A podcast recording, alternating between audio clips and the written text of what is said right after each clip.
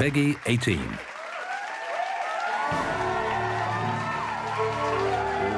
Ladies and gentlemen, tonight live from Harstad and Oslo, this is the second annual Lullablua Awards.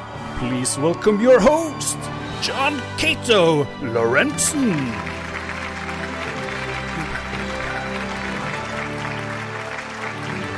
Thank you, thank you, thank you New York, thank you USA.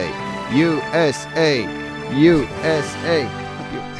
Er vi på Er det Trump-spalten du prøver å, å gjenopplive, eh, Lars? Make uh, Lolbua great again.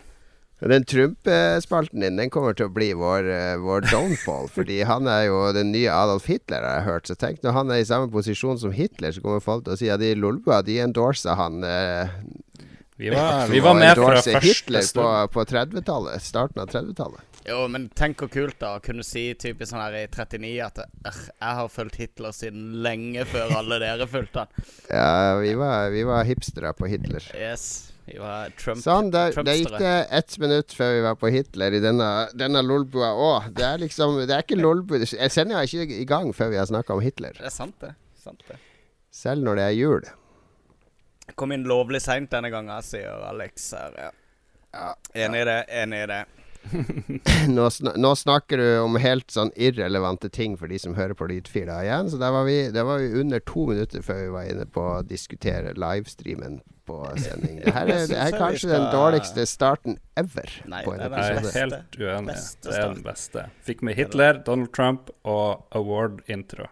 Yes. For vi skal jo ha awardshow i dag, skal Ja, vi ikke det? skal ha et awardshow, så, så la oss starte. La oss ta null Nå spoler vi helt tilbake, så roer vi ned. Jeg heter Jon Cato. Jeg er eh, host. The host with the most her på, på Lolbua. Eh, ved min side så har jeg Lars Rikard Olsen. The dude in the caps, som han kalles her på, på kammerset. Whoop, whoop.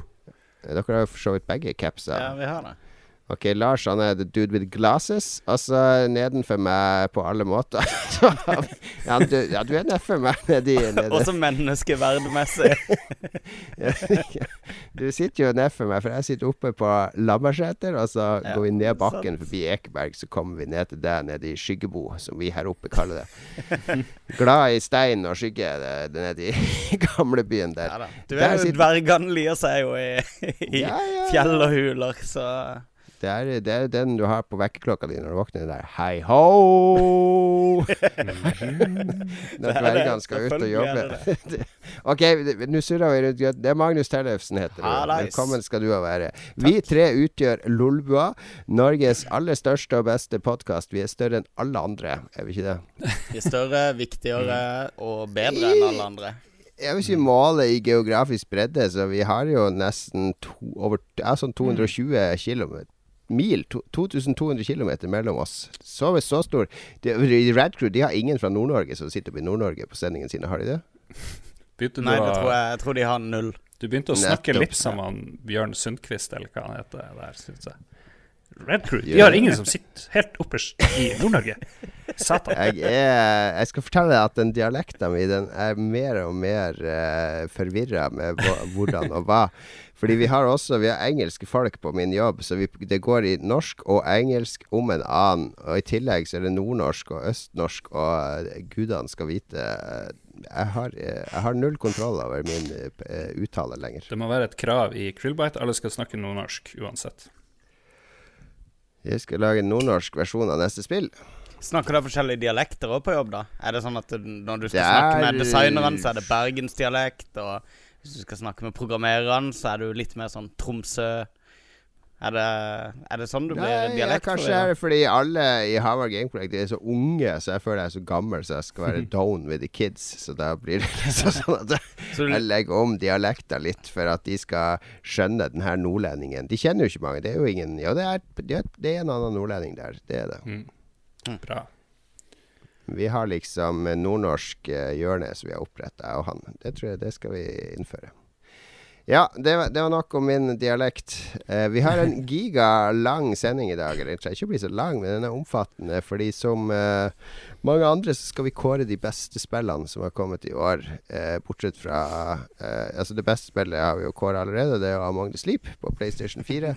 så vi skal kåre de nest beste spillene som er kommet i år. Eh, vi har også en julekalender på gang på lolbua.no. Mhm. Eh, der vi putter ut nye småting hver dag. Eh, kanskje nevne det og litt underveis. Men vi skal kåre de beste spillene som har kommet. Og det er en sånn prøvelse hvert år for, for alle medier jeg jobber i, uh, syns jeg. Julekalenderen. Nei, ikke julekalenderen, men, men det der med å kåre de beste spillene. Fordi uh, det har jeg gjort. Det har jeg vært med på sikkert 15 ganger. Mm.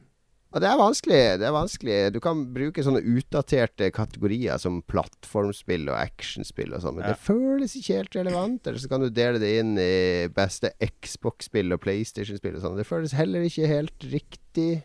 Mm. Hvilke løsninger er det vi har gått for, Lars? Det var du som skisserte den. Ja, jeg kom med noen ganske traurige og trasige gammeldags eh, forslag, men det var egentlig eh, vår venn eh, Magnus som kom med den her alternativet. La oss lage noen smartere kategorier. Så kom han med mye rart, og så kom vi frem til at vi kårer årets spill sånn generelt. Vi kårer årets storspill, årets småspill og årets kompisspill.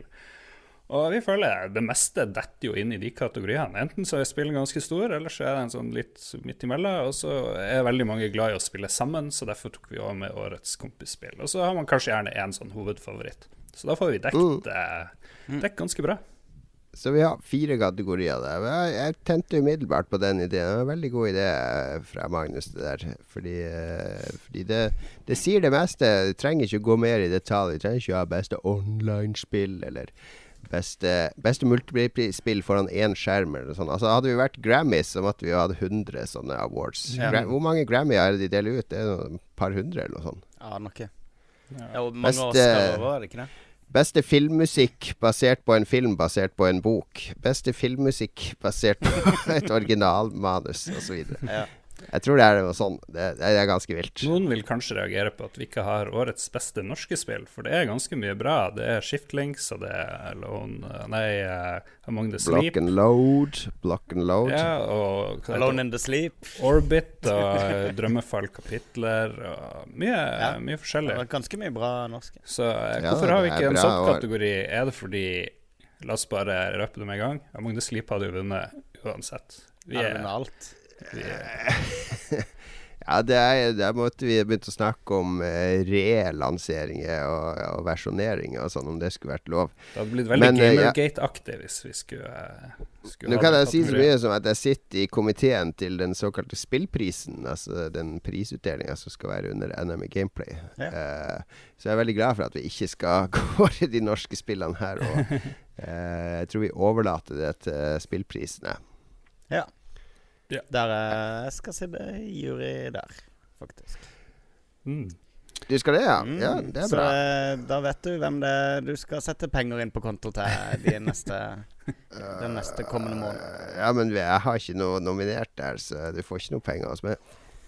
Eh, nei, OK. Men jeg poster i hvert fall kontonummeret mitt på Facebook-sida vår hvis noen av de andre norske utviklerne Ja, har lyst du til den i Du kan putte den i Facebook-gruppa norske Ja, norske spillutviklere. spillutviklere. Ja. Putt den inn der to-tre ganger i uka, minn de på det. Fordi det er ikke alle som følger med hver dag. Så, så blir det nok eh, litt penger. Ja. Så kan du lage en kickstarter samtidig.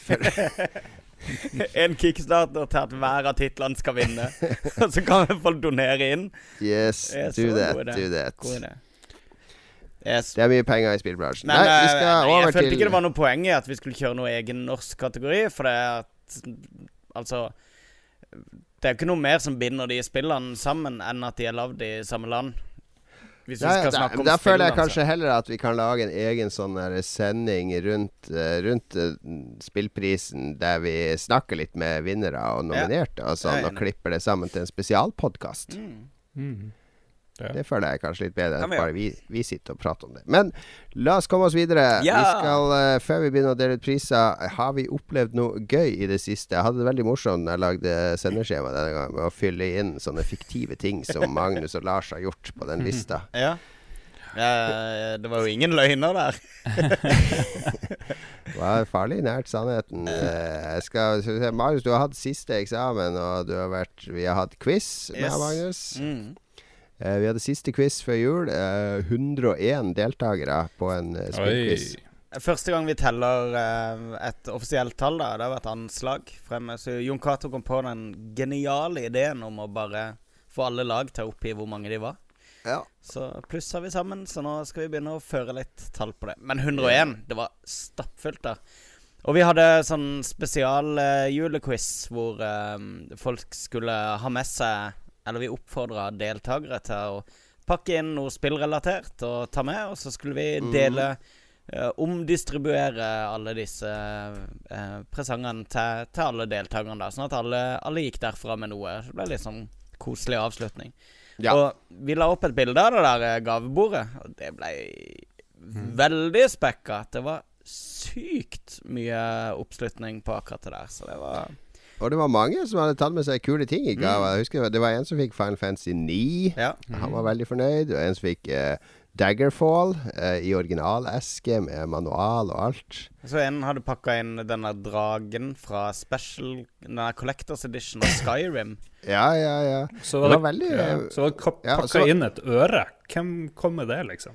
Ja. Et ekte avskjært menneskeøre. Nei, det var noe annet.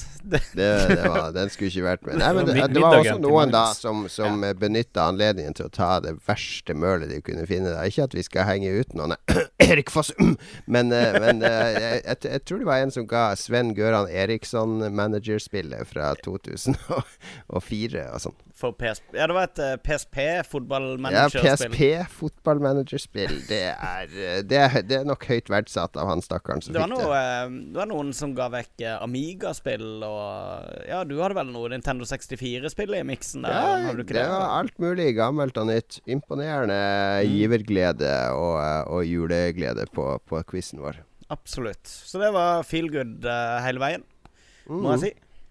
Ja. Så er det siste eksamen, så nå er endelig fokuset på jula og fikse ting til jul.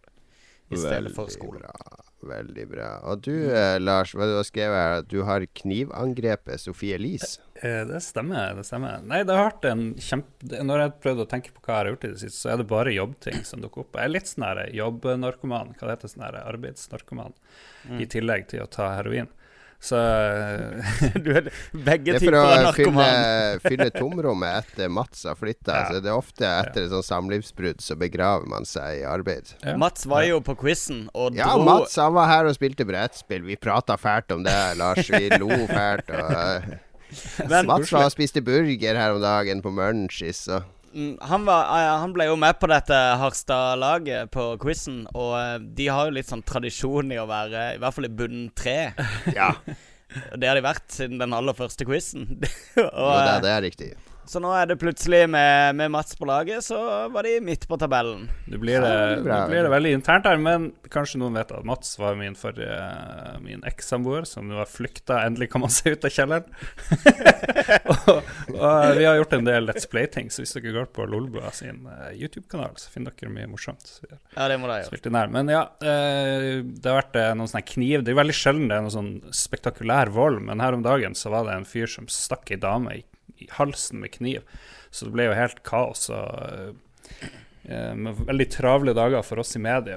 Da går man rundt og tenker man hva ville VG gjort? Jo, vi går rundt og plager naboer, vi ringer politiet, vi snakker med folk man har jobba med. og liksom kommet til Du må, du må faktisk bruke det du lærte på journalistutdanninga, i stedet for bare å sitte og Mm. google ting.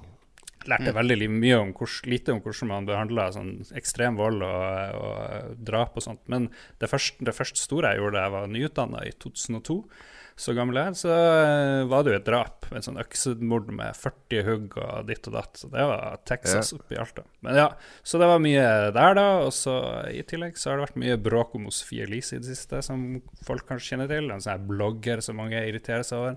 Mm. Og mange bloggerinne heter ikke det når det er kvinner? en, Eh, ikke, ikke siden 50-tallet. Ok, ja, ja. Hun er fra Harstad, så da må vi jo dekke mye det. Ja, Å gud, folk blir så engasjert. Det er liksom det som folk er mest engasjert i. Det er innvandring og Sofie Elise og brøytekanter. Det er liksom de tre De er på topp hos oss. Og nå har, og nå har Hvis, eh, Sofie Elise uttalt seg om uh, de flyktningene, så det er jo perfect storm. Ja, det er en stund siden, men nå var det hun fikk kritikk fra en sånn en journalist, og så var det på trykk i det fagnettstedet Journalisten, Mm. og det bare gikk helt amok. Så det har vært masse på VG og Dagbladet. Så Jeg syns det er eh, Nå som jeg ikke er i media lenger, så syns jeg den der eh, heksejakten på disse bloggerne er litt sånn patetisk. Altså, var- det er, eh, da peker du på Da står huset ditt og brenner, og så peker du på naboen som ikke har ordentlig brannalarm. Men ja. uh, men det handla vel egentlig ikke veldig om henne, den saken. Det handla vel om at media veldig ukritisk brukte disse bloggerne. Jo og at, da. Ja. Jo. og at eh, de bloggerne på en måte At de havner i et sånt søkelys med at ja, men vi tar det ikke ordentlig på alvor. Så vi gidder ikke gå de i sømmene på, på eh, mer sånn presseetiske ting og sånn. Mm. Men når de gjør ting på den andre sida, så hylles de som sånn her, eh, eh, viktige personer og Så, videre, så det, de får liksom det beste av to verdener. At vi hører de når de sier noe, men så lar vi de slippe unna med veldig mye annet. Ja, det, Så det, et- det var en interessant, eh, interessant problemstilling som ble tatt opp der. Men det, det ble jo bare tolka som at eh, Sophie Elise eh, er ikke verd noen ting. Det var sånn det ble. Ja, men det var skrevet med litt sånn brodd eh, Skrev om hvor stygg hun var, indirekte, og hvor unaturlig hun var, og hvor dum hun ja, var. litt Og Ja. eh, sånn, sånn, sånn tolka veldig mange det, og jeg syns Ja, det var litt det uheldig i formen da. Man kunne gått mye Ja. mer på sak, og man gikk veldig mye på person. Men ja. Enig. Så det var min uh, uke, egentlig, så langt her. Har du, du, har du møtt uh, Sofie Elise? Jeg har møtt henne så vidt. Eh, hun er utrolig vanskelig å få tak i, men når hun er i Harstad, så skumper man jo i. Og så står hun kanskje utafor kontoret i en park der, og så springer jeg ned som en idiot. Ambulansejeger, du. Jeg er Sofie Elise Jeger. Jeg syns du skal lage en, en sånn YouTube-video for Lolbua Lars, eh, sånn som han der eh, Han som lagde den der 'Leave Britney Alone'. Husker du det? Han der som Ja. sto og gaul foran kameraet. 'Leave Sophie Elise alone!'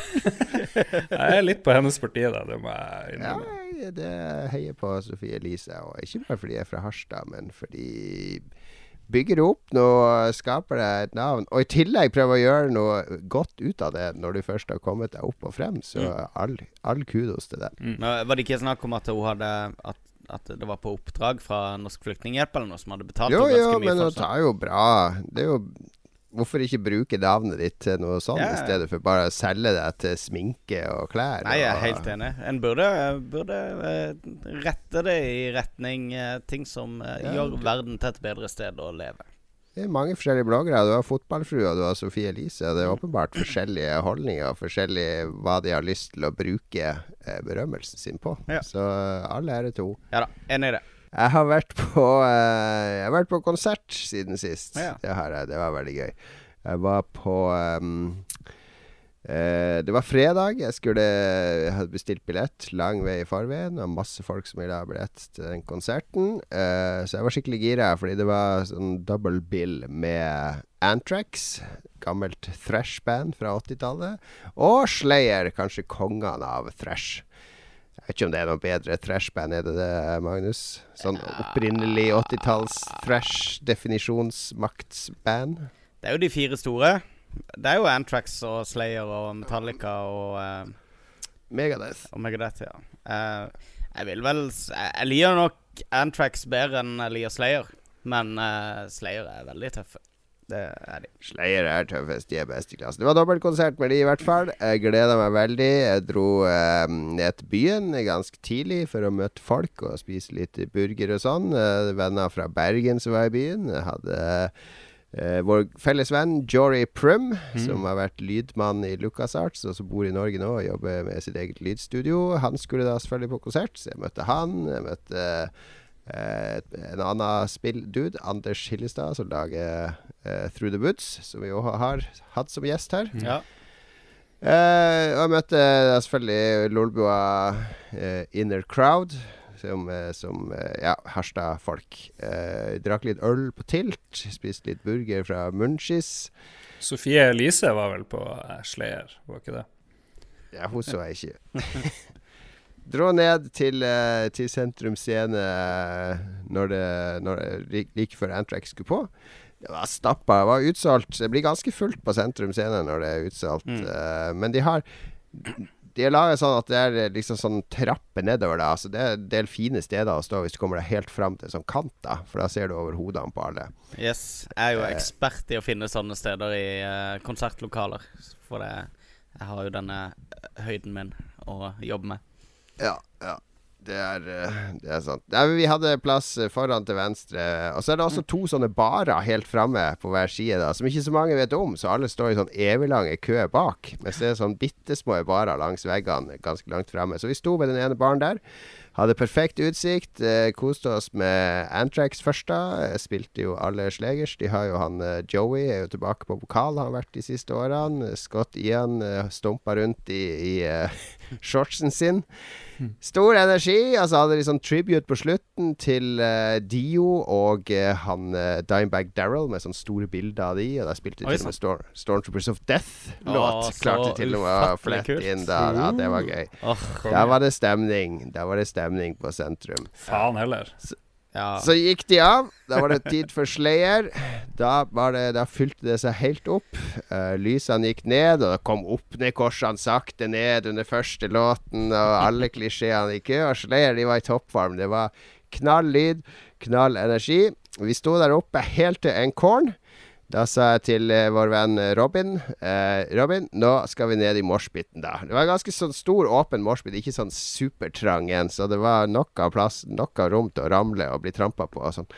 Så, så, jeg følte det var 40-årskrisa som kom. Jeg måtte ned i moshpit. Jeg har ikke vært i moshpit siden 90-tallet. Og vi løp ned rett før første encore-låt, og vi visste jo at de hadde ikke spilt South of Heaven, og de hadde ikke spilt uh, Rain in Blood, og de hadde ja. ikke spilt mm. Angel of Death, så vi visste jo at de tre kom.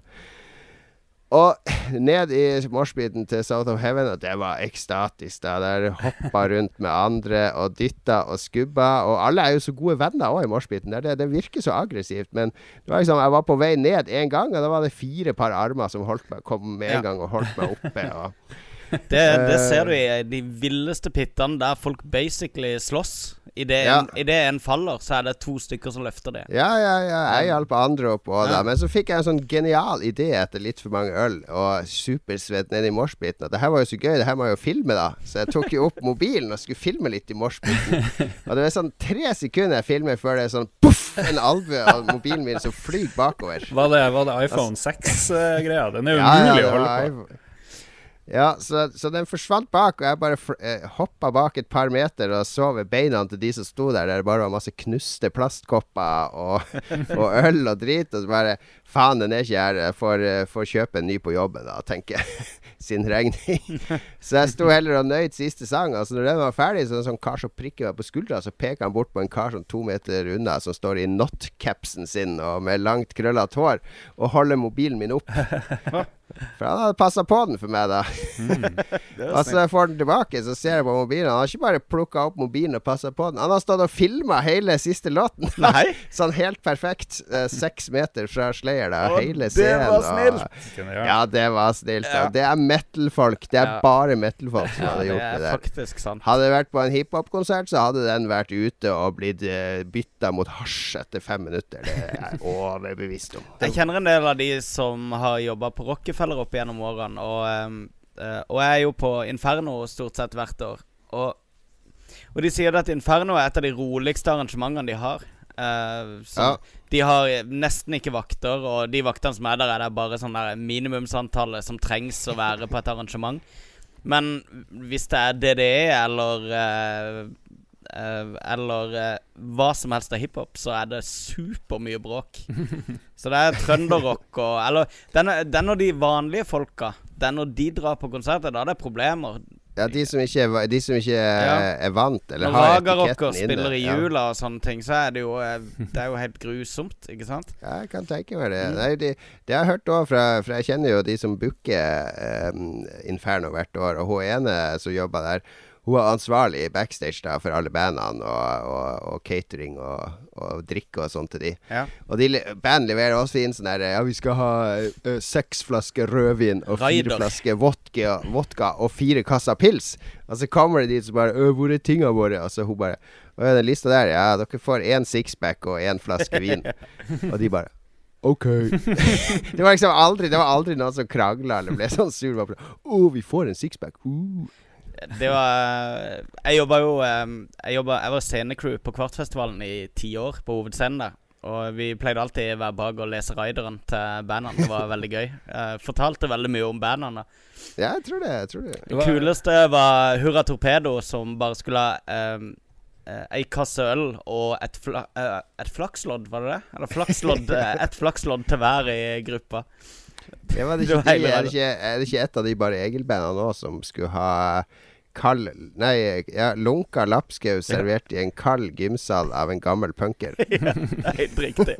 For det er det du får uansett når du spiller på sånne der uh, grisegrendte festivaler. Det er utrolig bra. Nei, det er gøy med konsert. Det er ikke så ofte jeg kommer på konsert, men det her var sånn her eh, Must. Full pakke, full pinne. Vi skulle ha uh, Harstad julebord dagen etter og sånn, så det var perfekt oppladning til en veldig god helg. Det var jo en eller annen metal-dokumentar, eller det var en eller annen sammenheng jeg så det, så prata de om metal-folk og psykisk helse, eller et eller annet sånt. Og sånn Ja. metal-folk de tålte ting jævlig bra, fordi de hadde sånn der eh, enormt nettverk og ting og tang, og de liksom uh, samla seg gjennom den der interessen. Og det gjelder sikkert mye annet rart. Ja, Men sånn her eh, metal-folk var tydeligvis robust mentalt eh, av en eller annen merkelig grunn. Yeah. Hell yeah!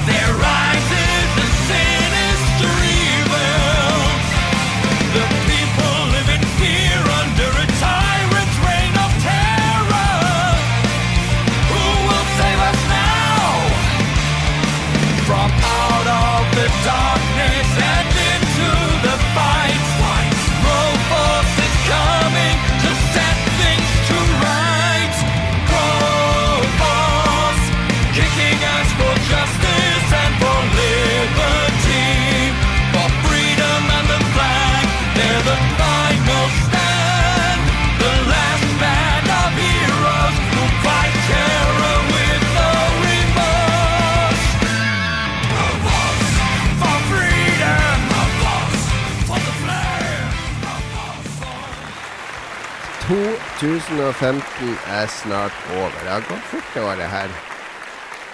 Hvis vi skal oppsummere det sånn eh, fra Lolbua, altså ikke spillene, men for Lolbua sin del, hva har skjedd med Lolbua i 2015? Oh my god, skal vi hale det her ut enda mer? Nei da, nei da. Det har jo ikke skjedd en dritt, har det det? Det kan vi snakke om nærmere. Ok, Vi har laga en ny nettside, og vi hadde litt sånn satsinger hit og dit. Og vi har hatt litt sånn Let's Plays og sånn, men det, det er Det er jo hobbyprosjekt fortsatt. Ja, det er det. Men uh, vi, har, uh, ja, vi har begynt å streame sendingene våre, og eh, ja. Jeg føler vi begynner å Vi finner Vi har funnet veldig vår form, da. Veldig, føler jeg. Um, Ja. Det. Og vi, Altså- vi begynner å få en del lyttere også. Det er Ja, spennende. vi har, eh, jeg føler jo også at kanskje vi har fått litt sånn der uh, nytt blod nå også. Eh, fordi Level Up legger ned. Mm. Jeg vet en, en del Level Up-lyttere som, som er nysgjerrig på, på hvem de skal følge nå. Hva de skal følge Jeg vet ikke om oss er de rette til de koselige Level Up-folka. Det er ikke så mye kos her. Ja, det er ikke kosebua. Det er, uh, altså. det er ironi og sarkasme og kynismebua. Ja. Ikke kos. Ikke den inkluderende kosebua til, til Rune og Carl. Nei. Det er veldig mørk og kald og fuktig bu. Og vi er gamle, vi er gamle folk, Ja. så hvis du er tenåring, så bør du kanskje lete etter en annen podkast. Det tror jeg. Nei, hvorfor det? Ja. Jo Det er ikke jeg bullshit. Men eh, også har vi hatt en stor eh, skandale i år, det kom jeg jo på, da vi var på Norsk Spillkonvent. Så den må jo folk eh, høre på. Norsk Spillkonvent, Ja. Krise på Klekken-episoden vår. Eh, Krise på Klekken i Lolbua luke fem eller seks. Eh, sjekk ut den hvis du lurer på eh, eh, når Lolbua nesten ble dratt inn i en Watergate-skandale. hmm. Den var ganske Det bra. var ikke en Watergate, det var vel en Ragnar-gate. jeg vet ikke hva jeg skal kalle det. Ja, En Lars Lars-gate. ja. Dr. Mengele-gate. Kall det Men Vi er ferdig med, ferdig med Hitler nå. Lars, ferdig med Hitler. Det, vi, det er derfor vi tar det først. Ja, det var det. Jeg driver og drikker Lafroig, så jeg bare advarer. Det her kommer til Ok, da får vi skynde oss. Må oss. her sklir helt ut. Men grunnen til at jeg nevnte at vi skal oppsummere Lolbua, det er for da kan dere tenke litt, for nå har vi én episode til før jul. Vi Mm. får ikke til mer enn i neste uke. Eh, så det blir siste før jul. Vi skal på julaften og på nyttårsaften og sånn, skal vi ikke det? Ja, jeg så vår venn Jostein i Radcrew i interngruppa at Radcrew skrev at det ble ikke sending på julaften i år. Så det var jo det var sjenerøst av Jostein. Han er jo et arbeidsjern, så jeg hadde jo regna med Det måtte så mye som julaften til for at de skulle droppe sending. Ja, så vi episode trenger igjen. ikke vi å overbevises. Så blir det nyttårsepisode. Vi er på 90 Det her er 96? 97? Vi er på 96. 96. Vi er på 96. Ja, ok. Så neste episode er 97, og så rett over nyttår så blir det 98. Og da Da er det på tide å tenke hva skal skje. I sant? Da er det nyttår. Nyttårsforsett. Hva er Mm. våre nyttårsforsett for Lolbua? Hva er våre planer for Lolbua? Så det var, det var grunnen til at jeg nevnte at vi oppsummerer Mm. Lolbua i år litt Ja. nå, er at dere skal ha tid til å tenke ut gode nyttårsforsett for Lolbua. Og gjerne lytterne òg komme med bidrag til hva, hva vil dere at vi skal gjøre til neste år. Mm. Ja. Skal vi ha Ja, en det er sånn veldig interessant. Vi får jo brukt jula nå til å gå litt i tenkeboksen hver for oss òg, og få, mm. litt, få det litt på avstand. Men jeg skulle bare tease det. Vi snakker litt mer om det neste episode, siden Ja, det blir siste det før jul. Nå går vi på oppsummeringa av 2015, eh, del én av fire, nemlig beste storspill.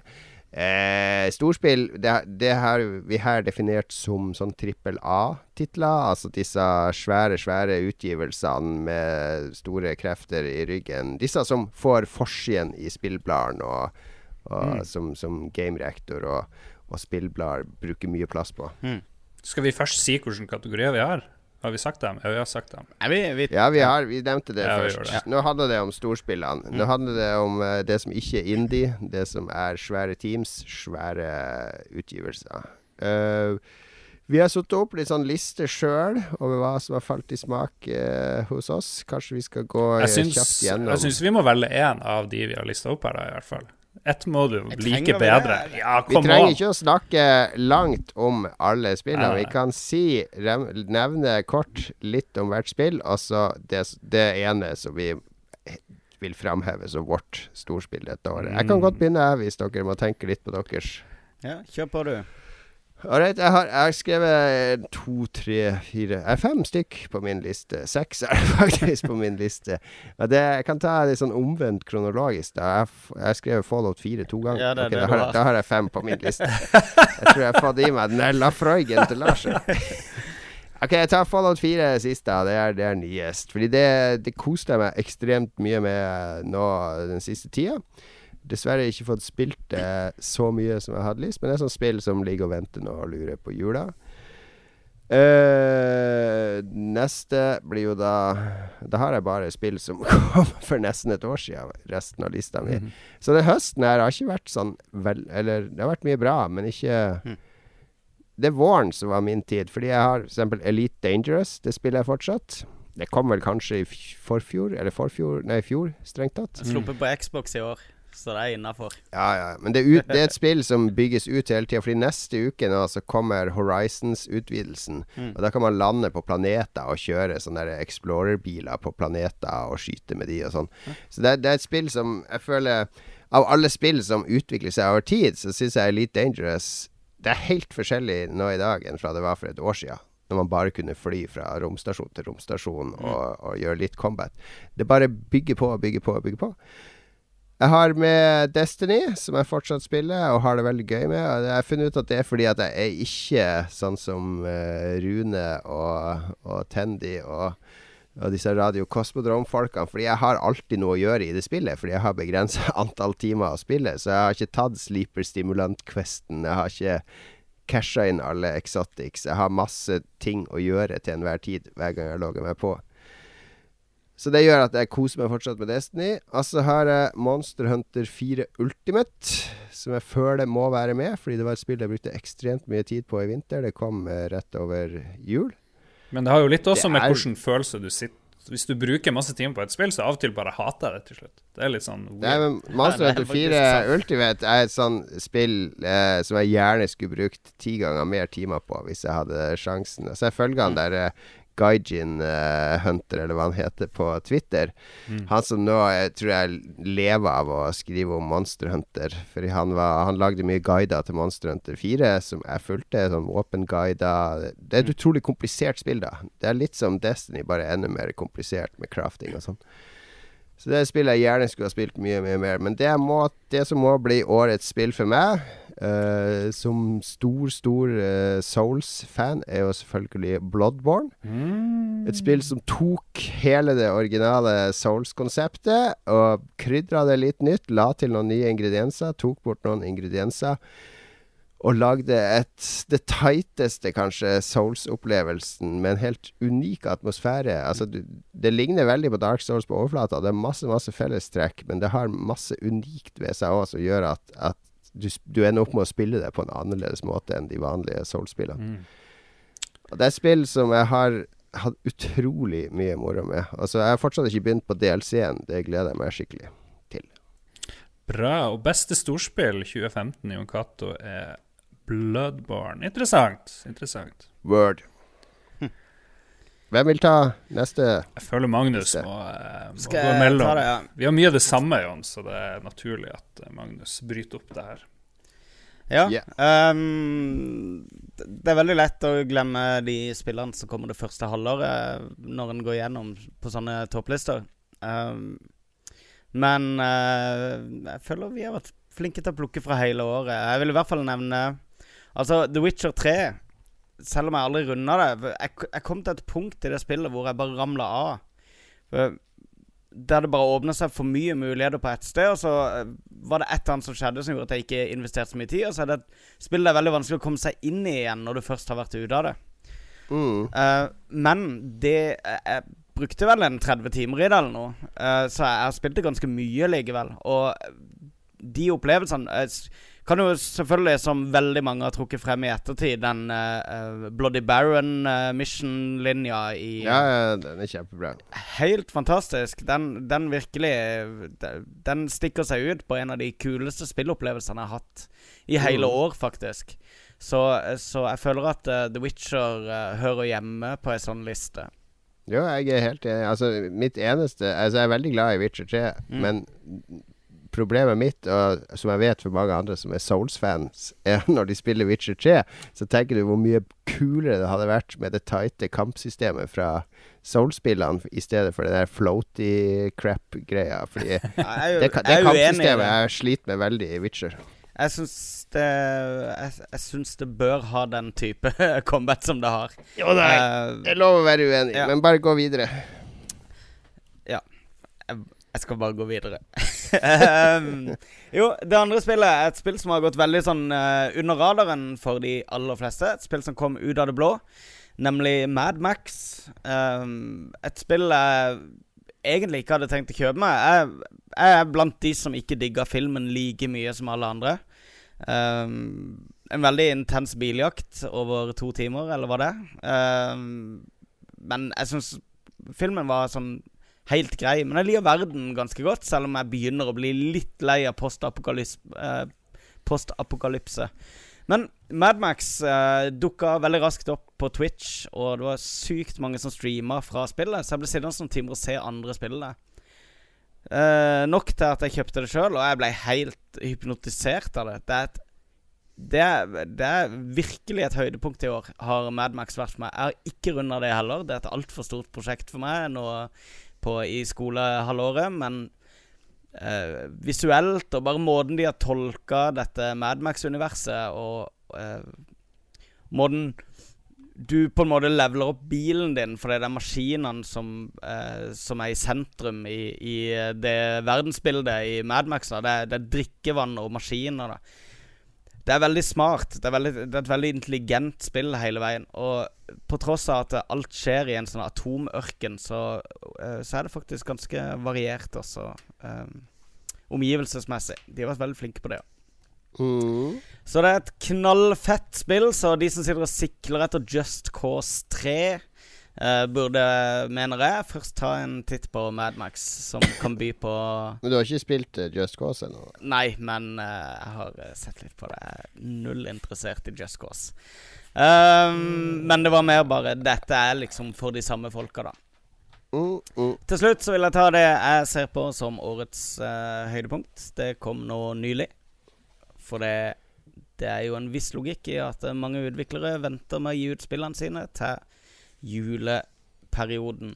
Og det er ikke overraskende uh, Rise of the Tomb Raider, som er det beste Tomb Raider-spillet som noensinne er lagd. Det Det det. vil vel være en stopp, stopp, overraskelse stopp, stopp, stopp, stopp, stopp, stopp, stopp, stopp. Nå- Nå hadde vi avtale, fordi eh, i dag så tweeta PlayStation Norge De tweeta om at vi skulle dele ut priser. så avtalen var jo da at vi kun skulle gi priser til PlayStation. Ja, Nå er jeg gitt til Bloodborne. Så du kan ikke komme til Nå, Ja. Lars, det her stryker du fra Ja, vi kan, vi kan slette Ta det. på litt uh, Yes. ja, okay, Legg en okay, status Tomb Raider, Rise of the Tomb Raider. Det beste Tomb Raider-spillet noensinne. Det Ja. er sterke ord. Men, Ja, eh, men men det jeg reagerte på, det var at ikke overraskende så er ditt valg på beste storspill Tomb Raider. Det er jo veldig overraskende. Det er ikke så mange som nevner det, føler jeg, i Det er eh, Magnus og hans bestevenn i Stavanger, Jostein Hakestad, som hver dag fyller den der Lolbua Red Crew-chatten på Facebook med 200 meldinger om politikk og brofisting. Ja, men det, Det er er jo. Det er gøy. Det er litt sånn utveksling av interessante linker og eh, Greit, det er en liten dialog på internett. Men nei, Tomb Raider Jo, det er det beste spillet i serien, mener jeg. Ehm,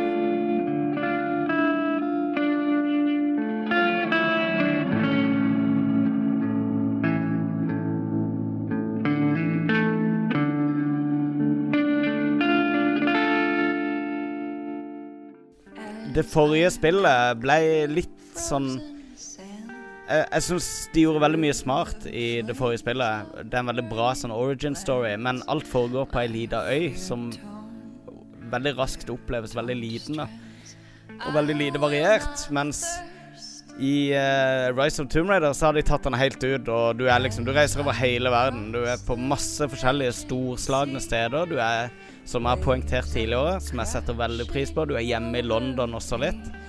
Um, spillet peiser veldig bra, syns jeg, og uh, det eh, de har liksom kjørt på. De har, de har mer av alt det som var bra med det forrige, nemlig de tombsene, hvor du har liksom uh, reine Veldig sånn old school Tomb Raider-plattform-puzzles, da.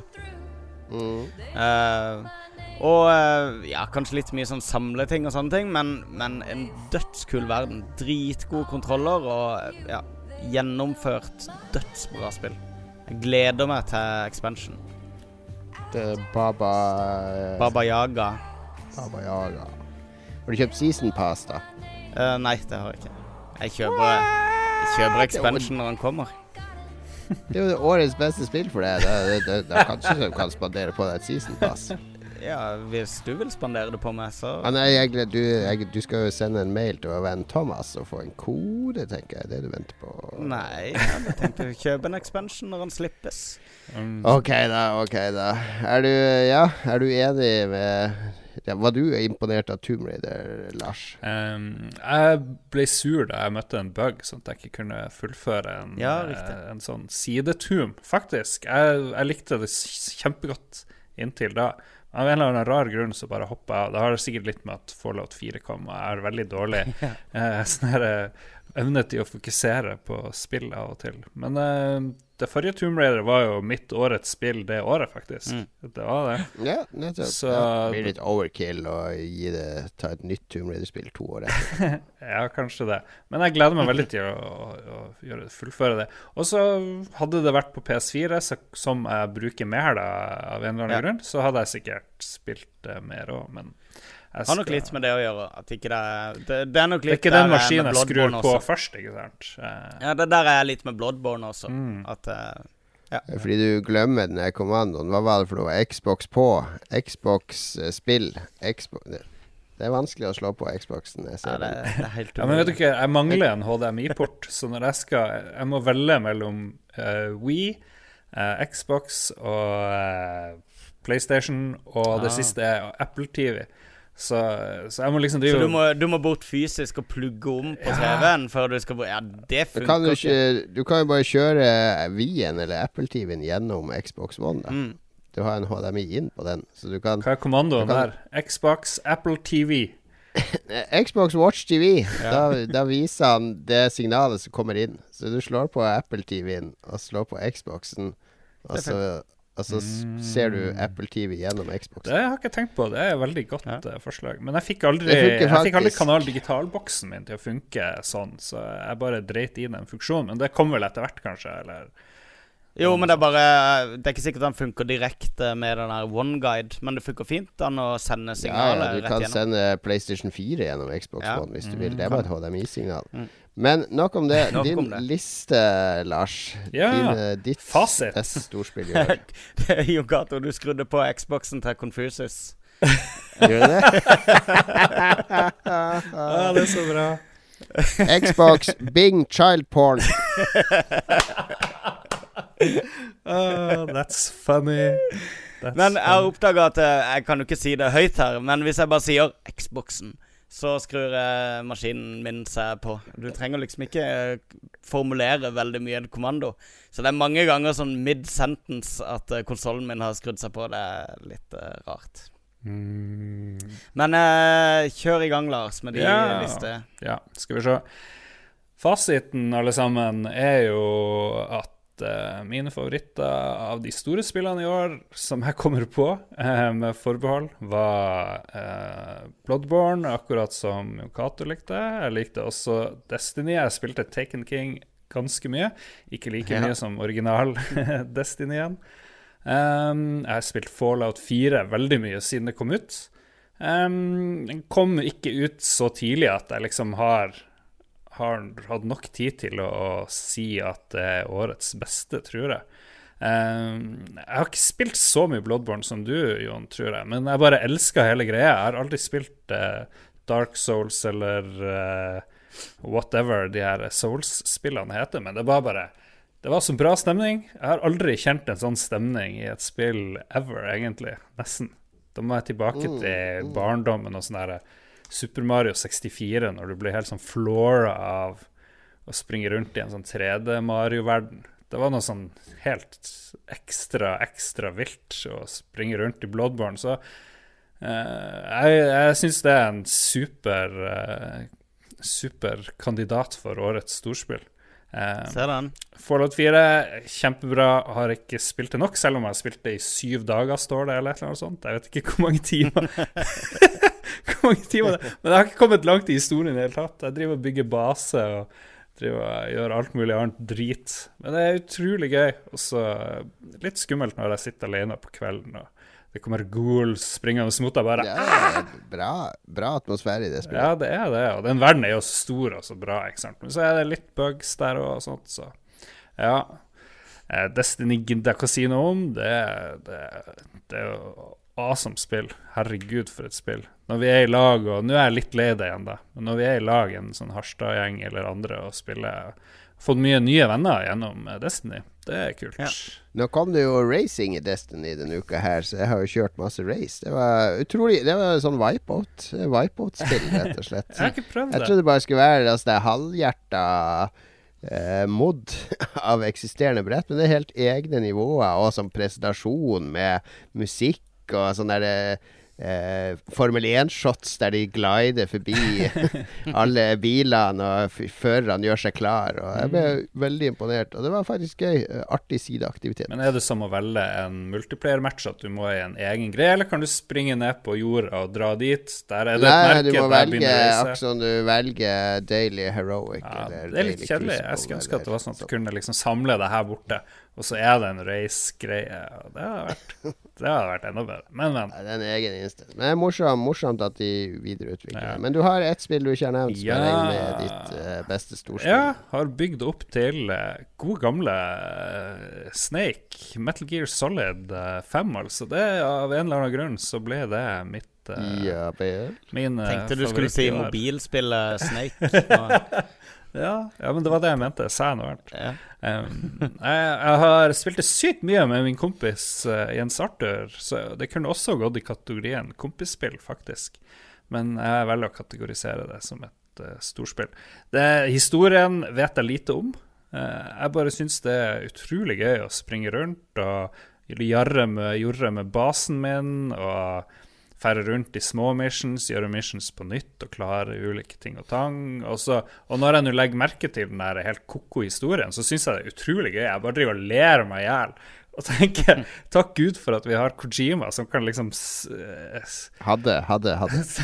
Takk Gud for at Kojima før fikk muligheten til å lage et sånt spill hvor du får plutselig en vannpistol og Jeg har liksom jeg, jeg vet ikke hvor mange prosent jeg har, men det, det er ganske mye prosent. Jeg har fullført liksom den der første delen før du tvinges til å gå inn i brettene uten noe som helst. Sånt.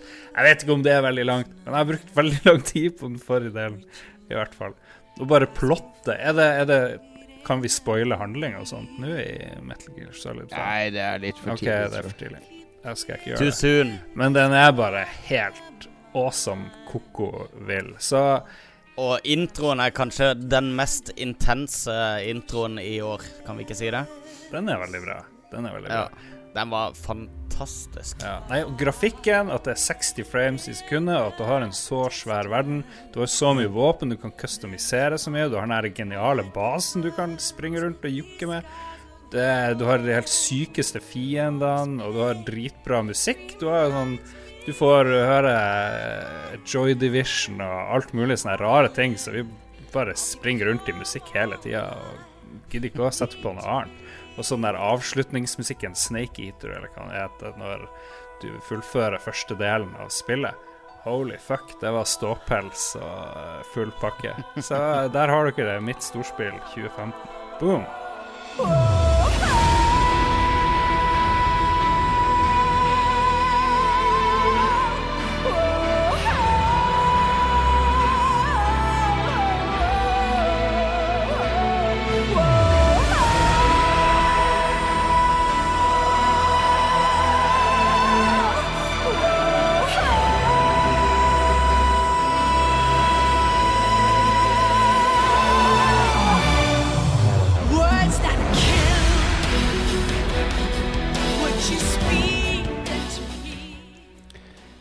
Nice. Det er bra trekløver. da Bloodborne, uh, Tomb Raider og Metal Gear Solid 5. Uh, det vil jeg påstå. Det er tre, tre toppspill. Ja. Absolutt. Men uh, hvordan av dem er best, er jo det jeg lurer på. Jeg tror ikke vi Men hvis, hvis jeg, jeg er sikker at vi skal gjøre det, men hvis vi skulle gått for konsensus, sånt, så hadde Bloodborne vunnet. For jeg føler at eh, da hadde det vært eh, to mot tre, kanskje. to Hvis ikke Magnus hadde hevet seg på et av mine eller dine andre alternativ, liksom. Vi trenger ikke gjøre det her til noe sånn amerikansk politikk. Nei, men uoffisielt så er Bloodborne eh, så har Magnus, sammenlagt hvis du gir meg din stemme her, Ja. så skal jeg støtte deg i småspill. Hadde ikke det vært gøy? For det, Det blir jeg sånn trenger eh, en stemme på, på småspill etterpå, så eh, Det hadde blitt sånn Jeg diplomacy. imot det. Det hadde blitt sånn Jeg der kupper eh, hele utdelinga med en filibuster der jeg skal fortelle alt om Neste, neste sånn her prisutdeling som er med Frank og Ogristen, to sånne kompiser som er kjent for manipulering og skittent spill. Det hadde vært konge. Sett hvordan de lurte seg. Og det hadde blitt en av de som hadde vunnet, eh, fått årets spillting. Men uh, det viktigste er jo eh, Det er jo ikke at vi kårer én vinner. Nei, fordi det greia med Lolbu er at vi er tre personer. Vi er tre personer med våre egne meninger. Ja. Så jeg føler at vi trenger ikke å ha Lolbua sitt favorittspill. Lolbua sitt favorittstorspill i år, det er de her tre. Mm. Er det greit, Lars? Ja da, absolutt. Og Men Noen ganger så er det ja. mer enn ett beste spill da som fortjener å bli kalt de eh, beste spillet. Det er litt rart noen ganger at uh, det er veldig langt ned til andreplassen.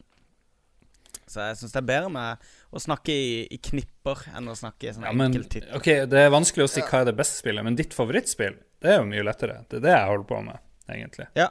Jo, jo, men det er jo det vi har gjort. Ja. Det er jo det vi, det, det, det her handler om. Hva er våre favoritter fra i år? Men det er jo ikke bare Lolbua er jo ikke bare oss. eh, Spesielt i høst, eh, spesielt de siste 15 episodene kanskje, så har vi fått Uh, ja, Hvor mange lyttere vi har, det er vi litt usikre på, for vi er så utrolig dårlige med internett. Så vi klarer ikke å beregne hvor mange som hører på iTunes. Og vi vet sånn cirka hvor mange som laster oss ned fra Soundcloud. Eh, og det er kjempemange. Det er flere hundre, så det er overveldende. Så skal vi legge til litt iTunes og, og Twitch-seerne og sånn. Så Ja. vi, er, vi har mange lyttere. Vi er kjempeydmyke overfor det. Men mange av lytterne har også begynt å engasjere seg veldig i sendingen i det siste. Ja. Vi får veldig mye lyttebidrag. Så vi kan ta, og ta for oss noen av de, hva de mener er beste spillet i denne kategorien, da. Uh, altså beste storspill i år. Og vår aller fasteste lytter, Jan Christian Hegel, han er på Witcher 3. Det var ingen av oss som valgte Witcher 3 til slutt, da. Nei. Nei. Men det er mange lyttere som gjør det, ser jeg. Og den, det var vel også den som vant årets spill på den der Game Awards-greia som var i USA nettopp. Og Bloodborne fikk ingen eh, priser der, tror jeg. Så vidt jeg vet. Det var jo ikke mindre enn en skandale. Det var like stor skandale som at Konami gikk, nekta Kojima å reise dit. Ja, holy balls, altså. Det er snakk om dårlig PR-strategi hos dere Konami, men eh, ja. Også, det er så mye historie om Konami nå, for jeg har lest eh, eh, jeg les, Den boka jeg hadde i uh, Lolbuas julekalender uke to, den med intervjuer med ukjente japanske spillutviklere, der er det en som snakker litt om Konami. Det var det eneste selskapet i Japan der spillerne måtte kjøpe spillene de hadde jobba på. Eh, utviklerne. What?! Konami nekta å gi dem No eksemplarer way. av spill som de hadde lagd sjøl. Det er bullshit. Det er faen meg Til mega full bullshit. pris. Det skjønner jeg allerede da. Det her var liksom på 80-90-tallet, så det, du skjønner at det der, eh, den firmakulturen der er ikke noe nytt i Konami, antagelig. Men ja, Yes. Jan Christian, eh, bra, bra valg, absolutt. Og så har vi han neste, det er han Tjoho! Tjoho! Ja, han sier at årets beste storspill, The Witcher 3, sier han. Ja. Ja. Han Gard Firing, han, har, han er på Magnus sitt lag. Ja. Rise of Tom Reidar. Jeg liker det. Men. Ja da. Det har ikke jeg hørt før, Tom Reidar. Jo, da brukte vi masse på Spiderman. Ja, Var, var du sånn ikke involvert i det? Nei, Spak Schmick var litt mer raffinert. enn Å, ja. å med sånn Tom Reidar og sånn. Ja. Men han Jostein Hagstad, vår sjef Gusta, han, uh, hans storspill Halo 5. Han er jo Du er jo eh, gal i hodet ditt, Jostein, når du sier Halo 5. Han, eh, han om det. Han er Nei, glad i Halo. Det er lov. Det er lov. Halo 5 var et uh, veldig kult, veldig solid spill som satte ingen liksom sånn uh, Hva skal du si det, det har bare forsvunnet ut av hodet mitt etter at jeg slutta å spille det. Det skal sies at jeg ikke har testa den der uh, super multiplayer-modusen som de har utvikla til det, så det er kanskje litt teit å avskrive det helt, for jeg har hørt at den er veldig kul. Og det vet jeg at Jostein har har spilt mye på, så det er mulig at, eh, at han har det også i bakhodet når han trekker det frem som årets spill. Det er bra spill. Bra Mm. spill. Og så har vi Geir Botnen Eid. Lars? Eh, årets storspill, her er det mange å ta fra. Fallout blir det ikke pga. at det ikke er et Ellers Scrolls. Det er egentlig en Ja. grei grunn. Eh, Så da får du aldri noe. og Metal Gear Solid 5 mangler store deler av storyen, så jeg kan ikke gi prisen til det. Jeg mener jo at jo mer koko story, jo bedre på Metal Gear Solid 5. Uh, Jo, men jeg tror Han mener vel eh, at han mangler mye av storyen. ja, jeg ja, skjønner Metal. Gear-fansen mener jo at spillet er oh, ja. halvferdig. Ja. Ja, gjør de det, ja? At det er mye som Ko Kojima ikke fikk lov å lage fordi de satte ned foten halvveis i utviklinga. Ja. ja. Da, Jo, men ja. du, kan jo ikke, du kan jo ikke liksom basere inntrykkene dine på hva du trodde det skulle Det kan være. du vel? Det her er jo, Nei. det her er jo subjektivt. Selvfølgelig. Du Ja, kan men- gjøre hva du vil. Men, eh, ja, men det er det jeg alltid irriterer meg over. Det, er- det er veldig mange, veldig mange spillanmeldelser Folk er som ikke basert roboter. på- Jeg irriterer meg over dette og skjønner ingenting. Ja, men at, Én pluss at én folk er to. mener at- Jeg går på Bay. Der er det kun tall. Rene fakta. Du, ro ned på den Lafroigen her nå. Ja, det, Altså Jeg skjønner hva du sier, men det er som om du har et forhold Fordi han, eh, han Geir Han har jo et sterkt forhold til Metal Gear. Ja, og alle jeg kjenner som har et sterkt forhold til Metal Gear, de er skuffa over femmeren. ja. Og Og, de er også det er skuffa fordi de sier det er, det er veldig kult i 20-30 timer, og så oppdager du plutselig Oi, storyen som de har lagt opp til, er bare borte. Det Ja. forsvinner plutselig. Det avsluttes brått. Eh, Det er kanskje en spoiler, men, men det er det er ikke nok tilfredsstillende konklusjon i det spillet, Ja, mener de da. Ok, ja, Mens- men da er jeg med på det. Mens jeg mener jo at det er helt Det gjør ikke meg noe, fordi jeg har det så gøy med alt tullet jeg lager sjøl i det Ja. spillet. Ja, ja. Men uh, ja, det jeg mer snakka om, da, var at uh, For det er mange som henger seg opp i liksom hva som har blitt sagt. Altså Sånn som et Peter Molyneux-spill, for eksempel. Da. Så er liksom spillet er et drittspill fordi det ikke inneholder de tingene som Peter Molyneux har lira av seg på pressekonferanser i to år i forveien. Ja, jo nei, ja, det, er- ikke helt sånn. Jeg føler det er Nei, mer som nei, da blir det jo ikke det, det her. Frank, eh, Lars er mer som han der eh, eh, Altså, jeg hvis, hvis jeg skulle være Metal Gear-fan, jeg og du, Magnus Mm. Vi er de der som hørte på Metallica fra Kill Em All og framover, og som ble skuffa over Black Album. Mens Lars, han er han der eh, som kom hoppa på på Black Album. Oh, det er verdens kuleste rockeplate. Ja. Det er jo Det er, bullshit. det er Metal Gear Solid 5. Det er Det er eh, Metal Gear-seriens Black Album. Ja, Black Album er innafor, da. Reload. Jeg likte aldri Metallica med- før den der eh, plata med han der eh, kunstneren, han, eh, han der rockeren, han som døde. Hva han het for noe? Det er SNM-greier. Nei, å herregud. Ja, den var Ja. faen meg best. Lou Reed. Lou Reed-plata med Metallica. Lula, eller hva For det et het. drittband Metallica har klart å bli, altså. Ok, men Yes. eh, ja, Geir Botnen Eid Han vil ikke gi prisen til Metal Gear. Ja, Og da er det bare ett spill igjen for han, og det er faen holder vi enda på med Geir Botnen Aid? det blir jo 200 Jeg tror, timer. jeg tror den sendinga her blir å splitte i to. Vi tar to priser i denne sendinga. det høres litt sånn ut. Jeg tror det. Eh, Men trommevirvel. Witcher 3. Solid spill, god story, bra musikk og bra gameplay. Enda en lytter på Witcher 3. Vet du hva, jeg, jeg merker nå at eh, nå som jeg har litt fritid fremover, og en rolig start på eh, semesteret nå eh, i januar, så tror jeg kanskje jeg skal prøve å hente meg inn på Witcher igjen. Kjenner at det, det kiler litt nå. Så eh, jeg, er veldig enig med alt som ble sagt om det nå, i hvert fall. Stig Kenneth Limmesand har eh, favorittspillet sitt. Uncharted Nathan Drake Collection. What? Ja, den er original. Ja. Det, det vil jeg gjerne høre en begrunnelse på. Har han levert en begrunnelse, Det har han. Oi. Eh, juryens begrunnelse er uh, Når favorittstorspillet ditt er en remaster, er det noe illegalt med spillåret.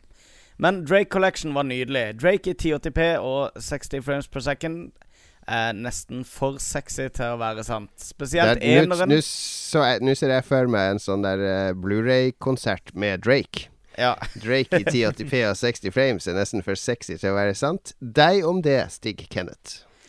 Spesielt eneren, som er mitt favoritt, Uncharted, fikk et heftig løft og fikk meg til å like spillet enda mer. Skulle likt å se Batman Arkham Knight på denne plassen, men holder så vidt ikke. Ar Arkham Knight tror jeg det er mange som glemmer. Ja, det utelot vi helt i våre lister. Uh, jeg spilte litt på Nathan Drake Collection, men tingen er at når alt, alt en har gjort, er å oppgradere grafikken, så tar det ikke så lang tid før du Før Mm. på en måte du, du, du blir vant til bra grafikk. Sånn er det, dessverre.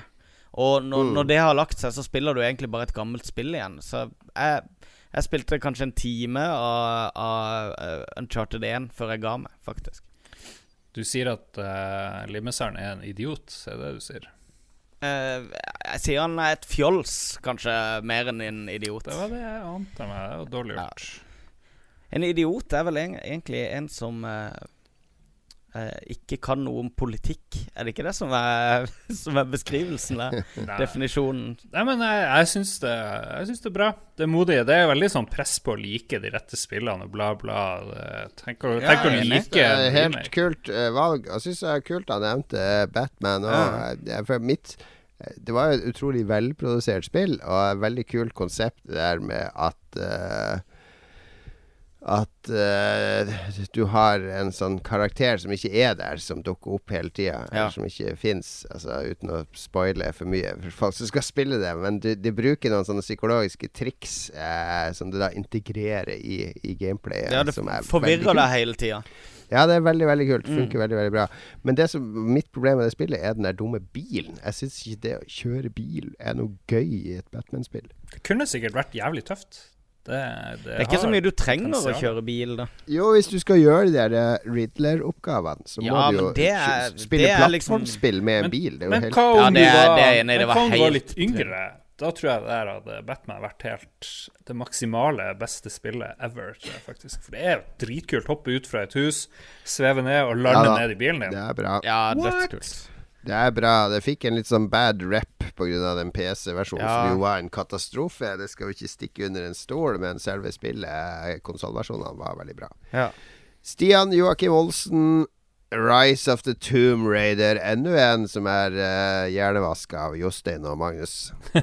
som er på, på lag med Jostein og Magnus. Stian Men så har vi, ja. uh, har vi en uh, Som en, sier eh, Tomb Raider, altså.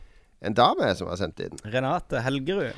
Nei, nei, nei, hun er fra Japan, så hun heter Renate. Renate, ja. Hun er fra Akkurat som karate. Ja. Karate og Renate. Ja, vi, Eh, vi oppfordrer hun alle nevner- kvinner til å si fra, for vi er lei av at det er for mye menn her, egentlig. Alle menn, slutt å sende inn noe som helst.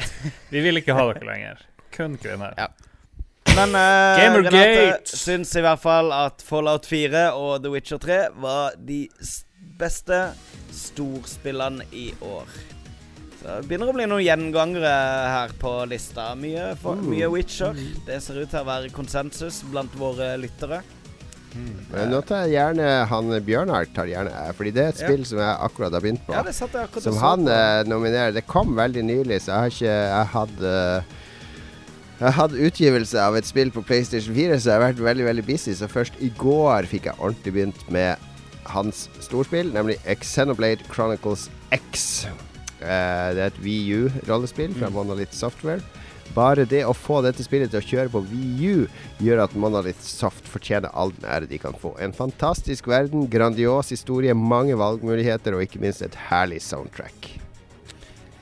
Ja. Ja, jeg har bare sett det. Jeg så en time av det på, ehm, på Twitch, bare. Eh, Mm. Og tenkte at eh, kanskje jeg må eh, Er det det nye. Er det det jeg fikk i posten her om dagen? Ikke Ja, det, det er et Er utrolig det som gjennom posten omfattende ja.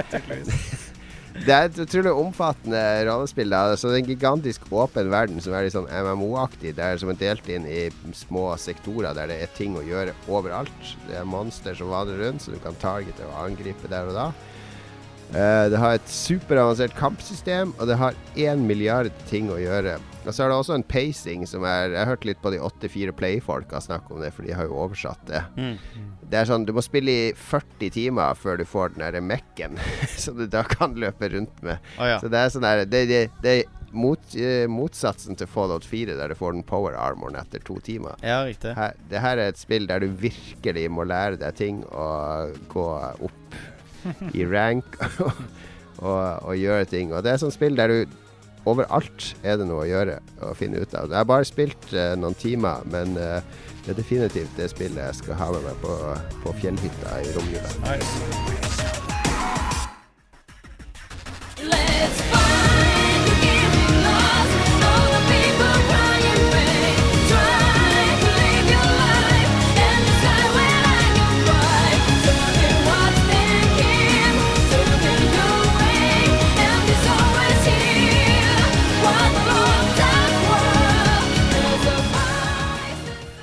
Jeg gleder meg også til å teste det, men det er veldig Det virker veldig overveldende, de her eh, japanske rollespillene for tida. Det er liksom for mye å gjøre, egentlig, for min autisthjerne. Det. Ja, det her er eh, hardcore eh, og litt old school, og, men det spiller litt krav til deg, ikke sant? Det er litt som Bloodborne, det stilte krav det òg, så man må, må føye seg og lære seg, og da kommer eh, gleden. Man må bukke og si takk på japansk vis, og jobbe, jobbe, 90, Arigato, arigato, arigato. jobbe 12 timer hver dag, og det er ikke lov å gå hjem. Det, None design. Ok, Robin Jørnby eh, sier storspill Just Cause 3. Endelig får vi litt Ja Just Cause vel. 3. Elsker spillet, men skulle jeg være objektiv og gitt det et terningkast, ville jeg ikke gitt det mer enn terningkast 4. Og jeg tenker jo Vi skal jo ikke være objektive her. Du skal gå etter hjertet. Det er i hvert fall Ja, min ja. oppfordring. eh, når du skal si hva er det beste spillet. Drit i objektivitet. Hva er det for noe piss? Da tenker du på andre. Tenk på deg sjøl. Så Just Cause 3, helt eh, topp valg. Jeg har spilt det en del med min kompis som har spilt eh, Metal Gear Solid 5 med, og jeg syntes det var veldig gøy. For jeg fikk plutselig vondt i tommelen, fordi på, eh, på eh, PlayStation eller og sikkert Xbox også, så må du trykke inn venstrehånda for å både holde eh, pusten når du skal sikte med sniperrifle, og for å spurte. Så jeg fikk plutselig vondt faktisk i venstretommelen. Så jeg måtte la han sitte og spille her de siste dagene. og Just Cause 3 og jeg prøvde litt sjøl. Just Cause 3, det er så Jeg har ikke gjort noe story. Jeg bare for rundt med de bombene og med å teddere ting og putte ting sammen, og så putte en rakett på dem og se hva som skjer og sånn. Og la ting eksplodere. Kjempe, kjempegøy. Aner ikke om spillet er veldig bra, for jeg har ikke gjort noe fornuftig egentlig, men bare lekt meg. Men jeg er litt Ja, ja, men det er jo det det spillet er. Det er jo en legeplass, er det ikke det? Først og Mm. fremst. Yes, da fikk vi Just Cause 3 på tampen. Eh, Du har skrevet en liten liste over glemte storspill. Ja, jeg drev og så hva folk nevnte, og så bare tenkte jeg OK, ingen har nevnt The Order eh, 1886, ingen har nevnt Nei, The men Wall. Det var jo forferdelig. Ingen har nevnt det hører hjemme på den Ja, men det er jo storspill. Det var jo sånne Ja, megastore ja, budsjett. Det er det. Phil Harline, Mortal Kombat X, det jeg brukte altfor mye penger på i år. Until Dawn har ingen nevnt. Evolve, Evolve er jo helt glemt. Det var jo gigasvært. Ja. Ja, men Evolve ble De hadde den der eh, DLC-løsninga si som gjorde at ingen ville ha spillet. Jeg aner ikke om det er noen som spiller det fortsatt. Until Dawn har du tatt med. Det er mange som liker Until Dawn Ja. veldig bra, men ingen, ingen av våre lyttere altså, De har blitt skremt bort av hyttepodkasten Ja. vår, der vi, der vi reivsund Until Dawn til de grader. Hvis noen syns det er gøy å høre på fulle folk, dvs. det vil si kun meg i dag, så må dere høre på hyttepodkasten vår. Aner ikke hvilket nummer det er. Hyttepodkast 2015. Veldig mye bra der. Herregud. Jeg skal gå og hente ei øl etterpå, Lars. Etter, Star Wars Battlefront har du jo også nevnt der. Den, er jo også, den har jo jeg dissekert i Den har du julekalenderen dissekert, vår det er ikke jeg helt enig i. Men uh, Du det nevnte er det, et jeg gleder meg til å komme i gang med nå. Ja. Jeg har, jeg har bare spilt en time på det ferdige produktet. Jeg har Det er, egentlig det er kult å begynne å spille spill når alle andre har gått lei og slutte med det. ja, Så- det, det gjør meg ingenting. Ja da. Altså, Syndicate Assassin's Creed er Assassin's Creed, men det, det virka bra, det i år, da. Så, Ja, jeg kjøpte det og spilte et par timer på det. Og som med alle andre sånne type spill, så kjøper jeg det, og så spiller jeg et par timer på det, og så neste gang jeg spiller det, så har det gått ned i pris til to dollar. Holy shit. What? Så eh, så, så Thief det var gratis nå nettopp på Xbox, og det er et sånt spill jeg har spilt eh, ja, kanskje tre timer på. Så kjøpte mm. til full pris. Så ja. Det var årets storspill, da, fra Lolbua. Takk til alle bidrag. Etter denne korte musikalske pausen, så er vi tilbake med årets beste småspill. Og det blir det siste Vi må splitte denne sendinga i to. Vi kan ikke ha tre spill til. Eller tre priser til. Så beste småspill etter pausen. Eh, følg med.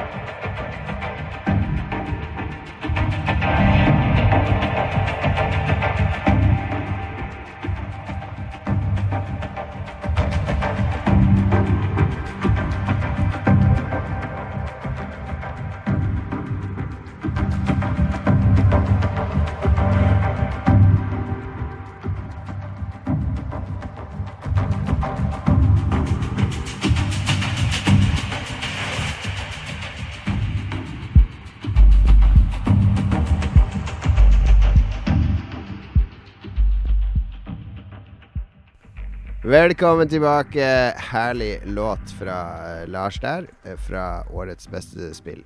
Eh, for de som ikke vet, vi vet ikke hva Lars har klippa inn. Så derfor så elsker vi å snakke om musikken som blir spilt, så at Lars får sånn ekstra pressure på å finne noe som passer til det. Har null. For pressure fordi årets beste spillåt. Har null pressure Ja. fordi ingen av dere to hører noen gang på det vi har spilt inn. Så jeg kan liker at. Lars har, har lagt inn uh, lydspor denne gangen med hvor han har plukka ut de aller, aller beste tingene av alt som er gitt ut av spillrelatert uh, musikk. Så det, du skal ha honnør for den researchen her. Det vet jeg har tatt mange timer, Lars. Så Fuck you. Neste kategori Neste kategori her på uh, vår egen Golden Lols. Golden Lulls, det burde vi egentlig kalle det. det høres ut som en sånn her eh, pornoprisutdeling. Ja. Uh, du om det. Beste småspill. Det, vi har nå snakka om storspillene. Eh, nå skal vi snakke om de mindre spillene. De såkalte indiespillene, indie-spillene, eller mobilspillene, Det må ikke være indie, som- men de som ikke har sånn vanvittige budsjett, ikke sant. Ja, det er Ja, det jeg, jeg, jeg sier jo bare Det ekskluderer jo ikke noe. Det er indiespill, mobilspill, Jo. de mindre spillene. De mindre tar feil. kanskje. Du er så forutinntatt, Jon Cato. Små indie-spill det er indiespillene Ro ned, ro ned med Lafroigen nå, umiddelbart. Det er gøy å late som at Vi- man er litt mer full enn man er, liksom. Det, for da kan man gjøre hva man vil. Jeg føler jeg har Det er ikke noe lating som her. Det her er ikke noe lating som. Det her er rett før PFU ringer. Uh, vi, vi skal snakke om de mindre spillene, de mer intime spillene, uh, Ja. kanskje. Eh, ja. Vi har laga liste hver for oss. Hvem har lyst til å begynne denne gangen? Uh, skal jeg ta det? Kjør på, Magnus. Eh, og jeg har, som, eh, som jeg har lovd, vært veldig flink til å plukke fra hele året. Nemlig Første tittelen jeg vil nevne, er nemlig um, Xbox-spillet Ori and The Blind Forest. Paid for by Microsoft. By Microsoft. Kontonummeret mitt ligger på Facebook-sida vår, uh, Bill Gates. Til, men uh, Ori um, and The Blind Forest har kanskje en av de mest minneverdige introene. Kanskje. Jeg tror, Mm. jeg, tror det, jeg tror jeg kommer til å huske det spillet i mange, mange mange år fremover pga. den introen der. Ja, Um, bra, bra intro, faktisk. Og bra Ja. stemning og hele greia, egentlig. Ja, det er det, og det, det er et veldig bra Metroidvania-spill. eh, Utrolig pent design og ja, atmosfæren bare.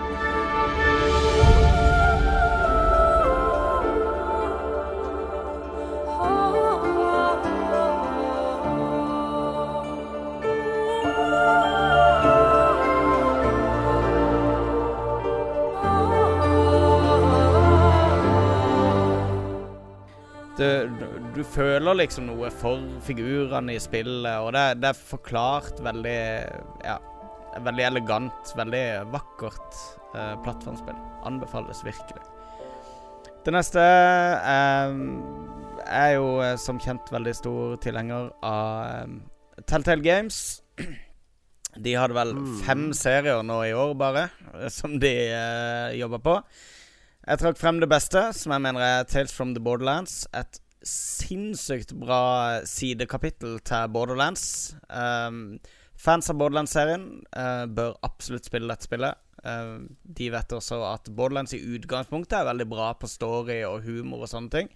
Og Telltale har bare klart å forsterke alt som er kult med Borderlands, og lagd et eh, eventyrspill som er virkelig godt skrevet. Anbefaler det ordentlig.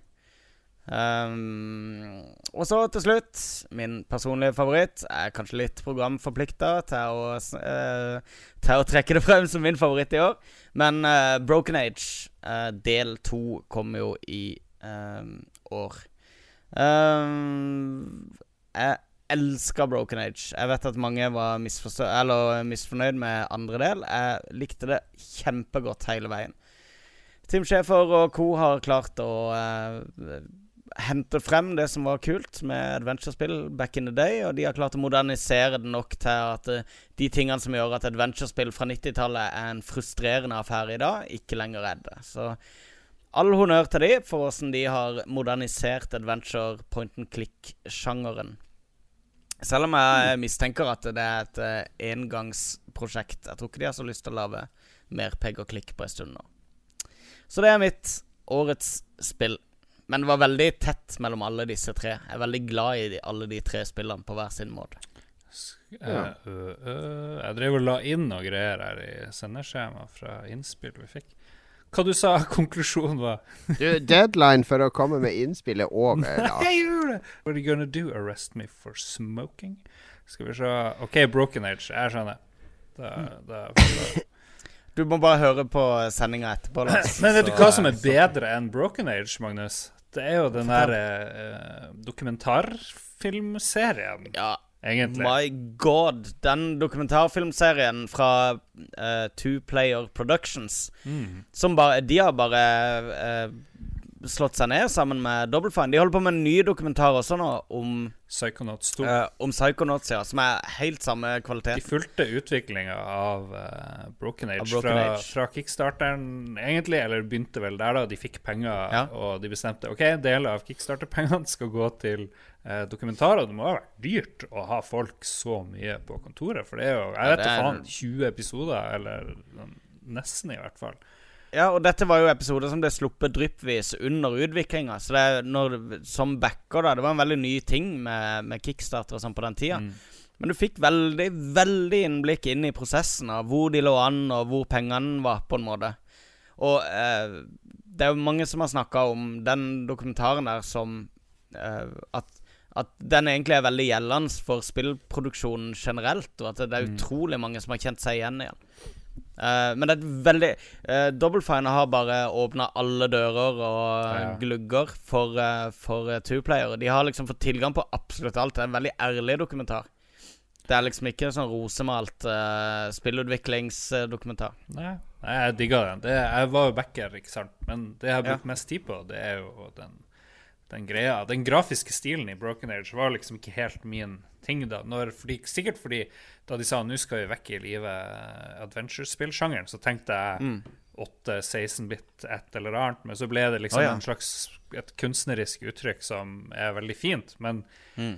kanskje ikke sånn super meg der jeg tenkte sånn bør et nytt point and click se ut. Men det er bare Det var min, mine fordommer, egentlig. Så da er jeg mer det der Ja. Thimbleweed Park til Ron Gilbert, den nye som ligner på Maniac Ja. Mansion og alt det der. Det er sånn Da blir jeg excited ved å se Mm. supersimpel grafikk av en eller annen teit grunn. Men, men det var det som var litt av målet med Broken Age, var jo dette med at det skulle ikke bare være et retrospill. Det skulle liksom bare OK, da lager vi et nytt adventure-spill, men de må hente det frem til 2015, da. Men, men det var mye hype, og du, du, likte, du likte Ja. det selv om det var sinnssykt mye hype. da Det er interessant, syns jeg. Åssen da? Nei, jeg vet ikke. Jeg følte ikke at det innfridde sånn helt der, da. Jeg hadde forventa noe mer, da, på et vis. Mine forventninger bygde seg ut ifra dokumentaren, egentlig, som Mm. jeg så fortløpende eh, under utviklinga der. Så jeg, jeg, jeg føler at det tilfredsstilte alle mine ambisjoner. Jeg visste Mm. hva de hadde tenkt i de forskjellige eh, delene av utviklinga, jeg syns det innfridde. Ja. Nei, jeg ble litt sånn skuffa da jeg så de første tegningene, og de har sånn fad, de har sånn dype kunstnere som føler jævlig mye. Nå, er, nå høres jeg ut som en idiot, men som skulle Ja, tegne Bagel. Ja, Bagel og de Mm. her folkene. Vi skal ut i skogen til han andre kunstneren som ikke ble brukt like mye. Peter Chan. Ja, ja. Men, men dude, det er han som liksom Han lagde grafikken i Monkey Island 1 og 2, og Ja. han Og Hvorfor brukte de ikke Indiana han, da? Jones Han Hæ? Hvorfor brukte de ikke De han? brukte han jo først til konseptart. Han var jo ansatt i selskapet i begynnelsen, i Double Fun. så bare glemte de han helt etter hvert. Han jobba Peter Chan jobber jo for Pixar og andre, som, Ja, ja. så han, han har nok av designting å gjøre, sånn Mm. grafisk. Det var han som designa Psychonauts. Jeg har ingenting å utsette på den grafiske stilen i, i Broken Age. Først og fremst fordi det ikke ligner på så mye annet, og da blir jeg umiddelbart glad. Mm. Eh, hadde det bare vært noe sånn ren retro-tripp, eh, fan-pandering, så hadde jeg blitt Veldig skuffa. Derfor er jeg overhodet ikke interessert i Timbleweed Park, fordi det har en sånn derre La oss lage noe som bare skal feede fansen det de tror Shut de vil ha, i i up, stedet for å prøve å føre det videre. Jeg Så jeg er totalt uenig med, med fylliken Lars i, i denne, Knock your dette resonnementet. Men det er bra, bra valg, eh, Magnus. Bra valg. Broken Age. Eh, jeg, jeg likte det veldig godt. Men jeg har fortsatt ikke spilt del to. Uh, sånn. jeg, har, jeg har et sånt problem med å spille Det er også bra at du ikke har spilt altså del sånne- to av uh, serien. Jesus Christ, kan, du, kan fylliken roe seg ned nå? Jeg, fordi jeg, jeg har litt sånn problem med å motivere deg til å spille sånne rene eventyrspill. Det er et eller annet med at tempo er Det er så mye å sitte og vente. Ikke sant? Du Mm. går dit, og så hører du litt dialog, og så plukker du opp en sånn. Ja. Jeg elska det da jeg var yngre. Jeg blir veldig utålmodig nå når jeg er eldre. Ikke det at jeg må ha action, action, action hele tida. Men det er, det er litt sånn for lite interaktivitet ofte i sånne eventyrspill, føler jeg da. Ja. Jeg føler at The Witness det, sånn, det blir sånn min type eventyrspill. Men det kan vi snakke om uh, i, i, i ja, 2016-sendinga vår, når vi skal snakke litt om hva vi gleder oss til. Ja, Det kan vi. Men Lars, nå skal fylliken få ordet igjen. Hva er fylliken sine valg Av med munnbindet! ja, OK. Beste småspill. Um, jeg er veldig enig i at ordet igjen i Blind Forest er et awesome spill. Det var kanskje et, en ørlite bit for floaty i bevegelsene for meg. Du kan styre veldig ikke sant, når du hopper. Og det er veldig mye animasjoner, og det er veldig glatt.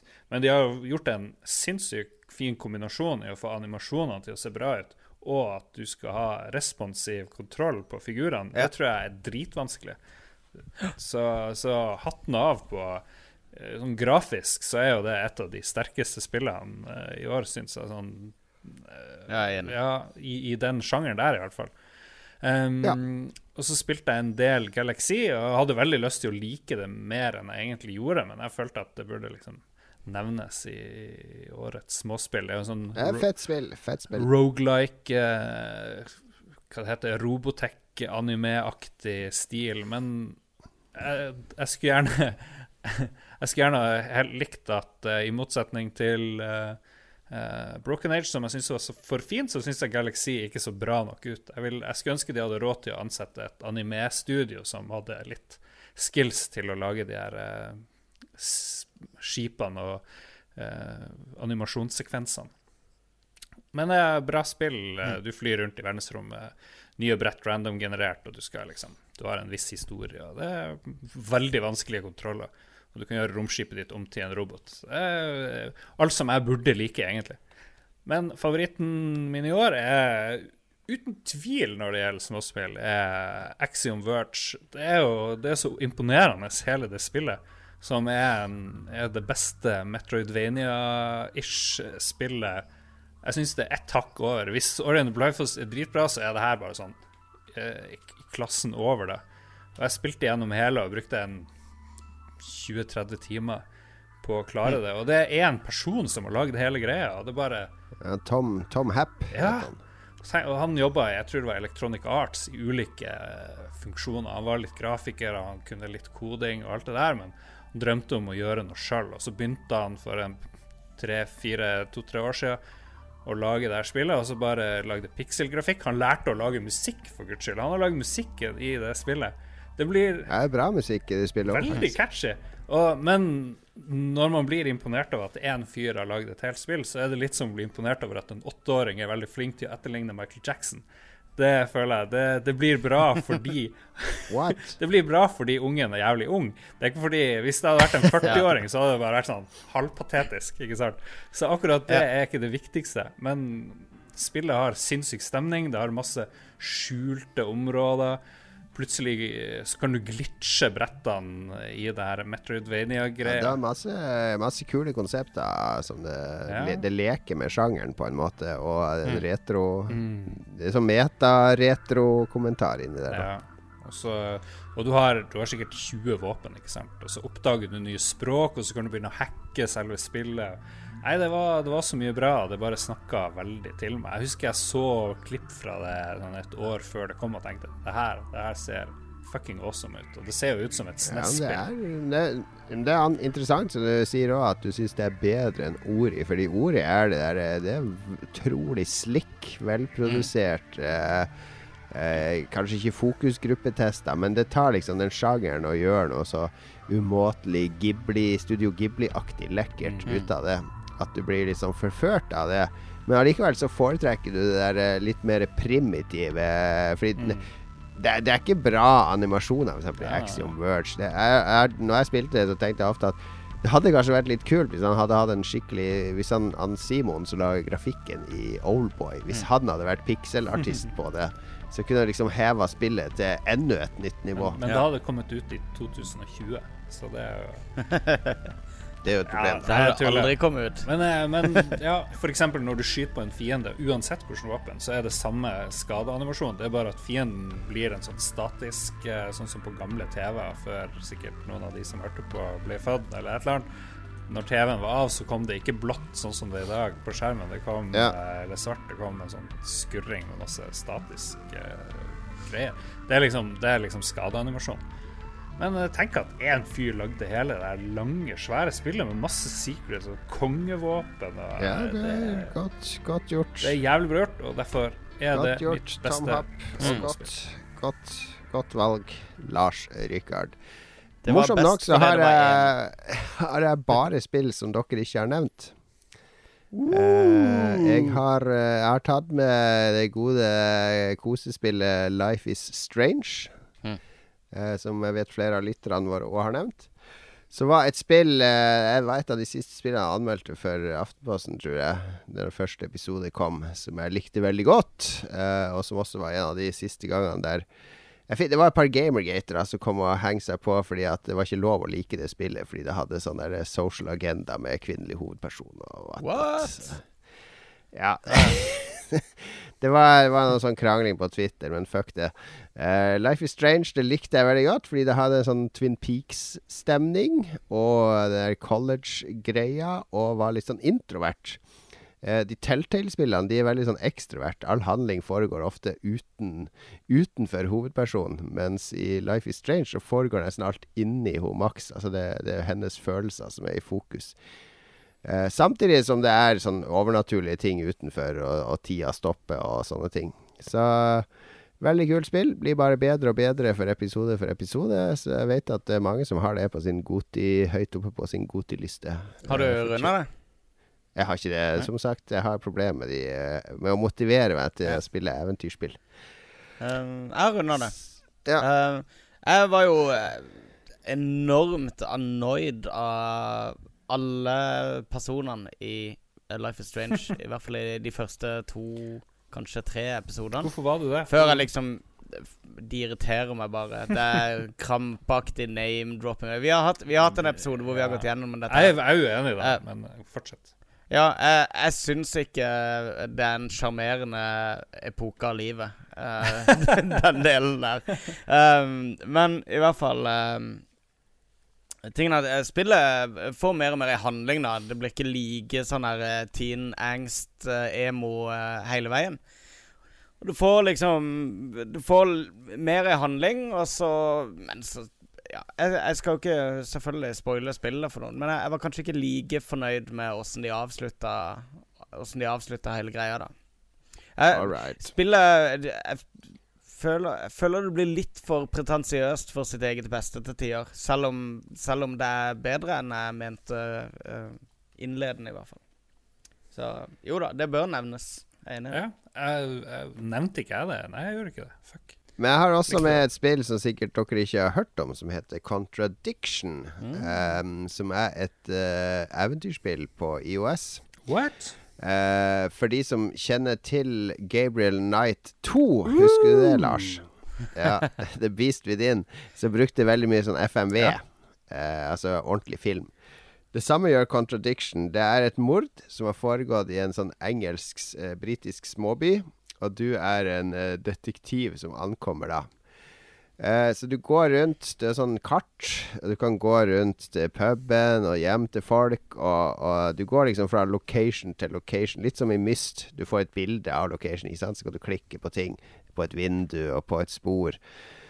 Eh, men veldig mye av spillet er å forhøre forskjellige folk, da. Altså kartlegge eh, hvem eh, Altså hvem det, var, det offeret var, og hennes relationship til alle i bygda. Og eh, handlingene til alle personene på mordkvelden. Og som navnet sier, da, contradiction, så handler det om å finne motsetninger. ikke sant? Hvis én sier nå skjedde det og det og det der, og en annen sier noe som ikke stemmer overens med det, da har du en contradiction. Da kan du sette de to påstandene opp mot hverandre. Ja. Og så konfrontere den personen med det. Og alle forhørene er sånn, eh, sånn som Her Story, da, som kanskje også Ja. burde nevnes. At du ser disse skuespillerne sitte der og svette og, og bli tatt på senga. Når, og veldig tilfredsstillende når du klarer å ta det i en løgn. Og så er det ikke alle løgner som er fordi de er mordere, ikke sant? For det, er- jo andre intriger som ligger under. Men det er veldig veldig velprodusert. Det er et svært bilde. Jeg tror det er på over en gigabyte. Med masse video og locations, og det er en sånn kult der, og det er Det minner litt om 90-tallet sine CD-rom-spill, bare perfekt på iPad. Eh, så for de som trenger en hyggelig krim på, på, i romjula, Mm.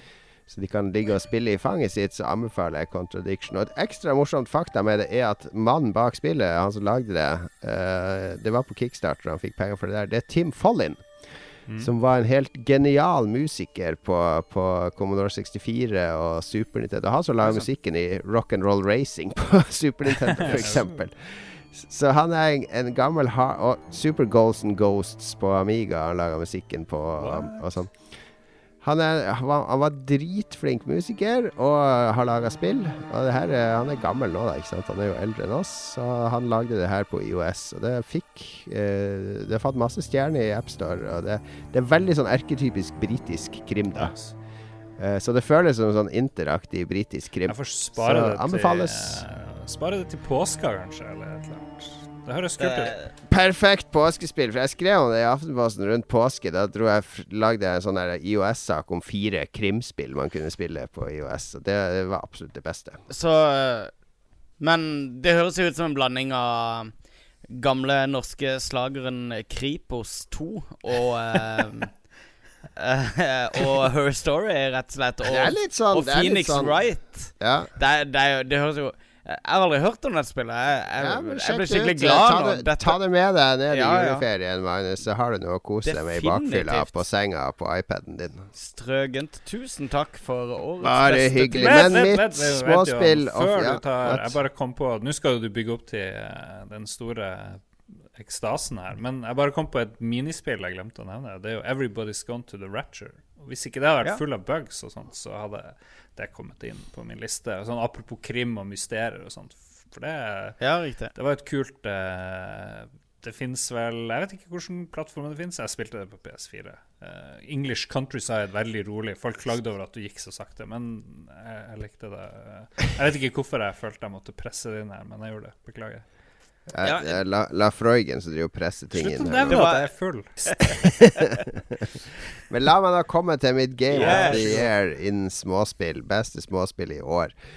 Det er jo det som har tatt eh, både streaming og eh, sportsligaer og alt med storm i år. Det er jo Rocket League. Mm. eh, som kom på PS4. Kommer vel nå på Xbox One. Eh, det er stort på Steam. Veldig mange som spiller det på, på PC. Som jo er fotball med biler, rett og slett. eh, I en sånn svær Jeg vet ikke om dere har spilt det i det hele tatt. Jeg har, jeg har ikke spilt det voldsomt mye, men jeg har spilt det med sønnen min på 14. Jeg har spilt det med mine kolleger i Krillbite. Alle har jo selvfølgelig Rocket League der, og vi hadde en veldig morsom sånn dag der vi spilte det. Der jeg ble knust, selvfølgelig. Fordi det er utrolig mye skill i det spillet Mm. da. Med posisjonering og um, akselerasjon og beregning med hvordan ballen spretter, hvor målet er, og hvor de andre er. Og det å, å bli så god at du kan legge innlegg med bilen der kompisen din hopper opp i lufta og header ballen med en bil i mål, det er, det, det er ganske Det er mer tilfredsstillende enn Fifa har vært på mange år, da. ja. Eh, det er en sånn her eh, Det er litt sånn som Overwatch, da. Det er en sånn her eh, favoritt blant streamere. Alle er liksom innom Rocket League av de som streamer mm. mye andre spill. De spiller gjerne Rocket League også, og det er utrolig populært på YouTube også, har jeg sett. Og så jeg det er så fett Det er ikke et nytt konsept, Fordi det var ute på PS3, tror jeg, eh, forgjengeren til Rocket League, som egentlig var akkurat det samme spillet jeg spilte. Og litt kjipere sånn grafisk uttrykk og sånn. Det ble aldri så stort der, men nå Det har blitt helt, helt gigantisk. Og jeg synes det er utrolig kult at noen klarer å lage et online multiplayerspill som ikke bare er en, eh, en eh, Moba eller en FPS. Eh, eller en blanding av de to, sånn som Overwatch er, men som tar eh, La oss bare lage fotball med biler, da. Altså, og så funker det så bra. Mm. Ja, det var morsomt da jeg fikk prøve det. Bare spilte en par kvelder, da. Men det, er, men det er vanskelig. Det er skikkelig vanskelig spill. Ja, det, det er det.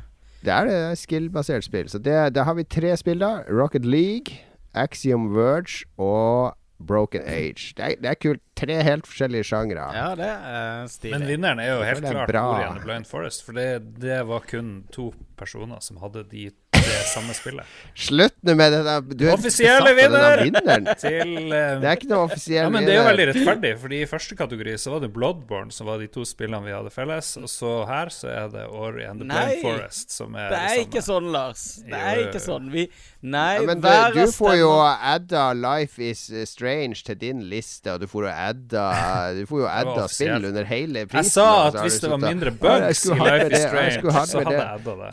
Nå tar Jeg inn og fjerner. Bloodborne fra, fra din og eh, Lars.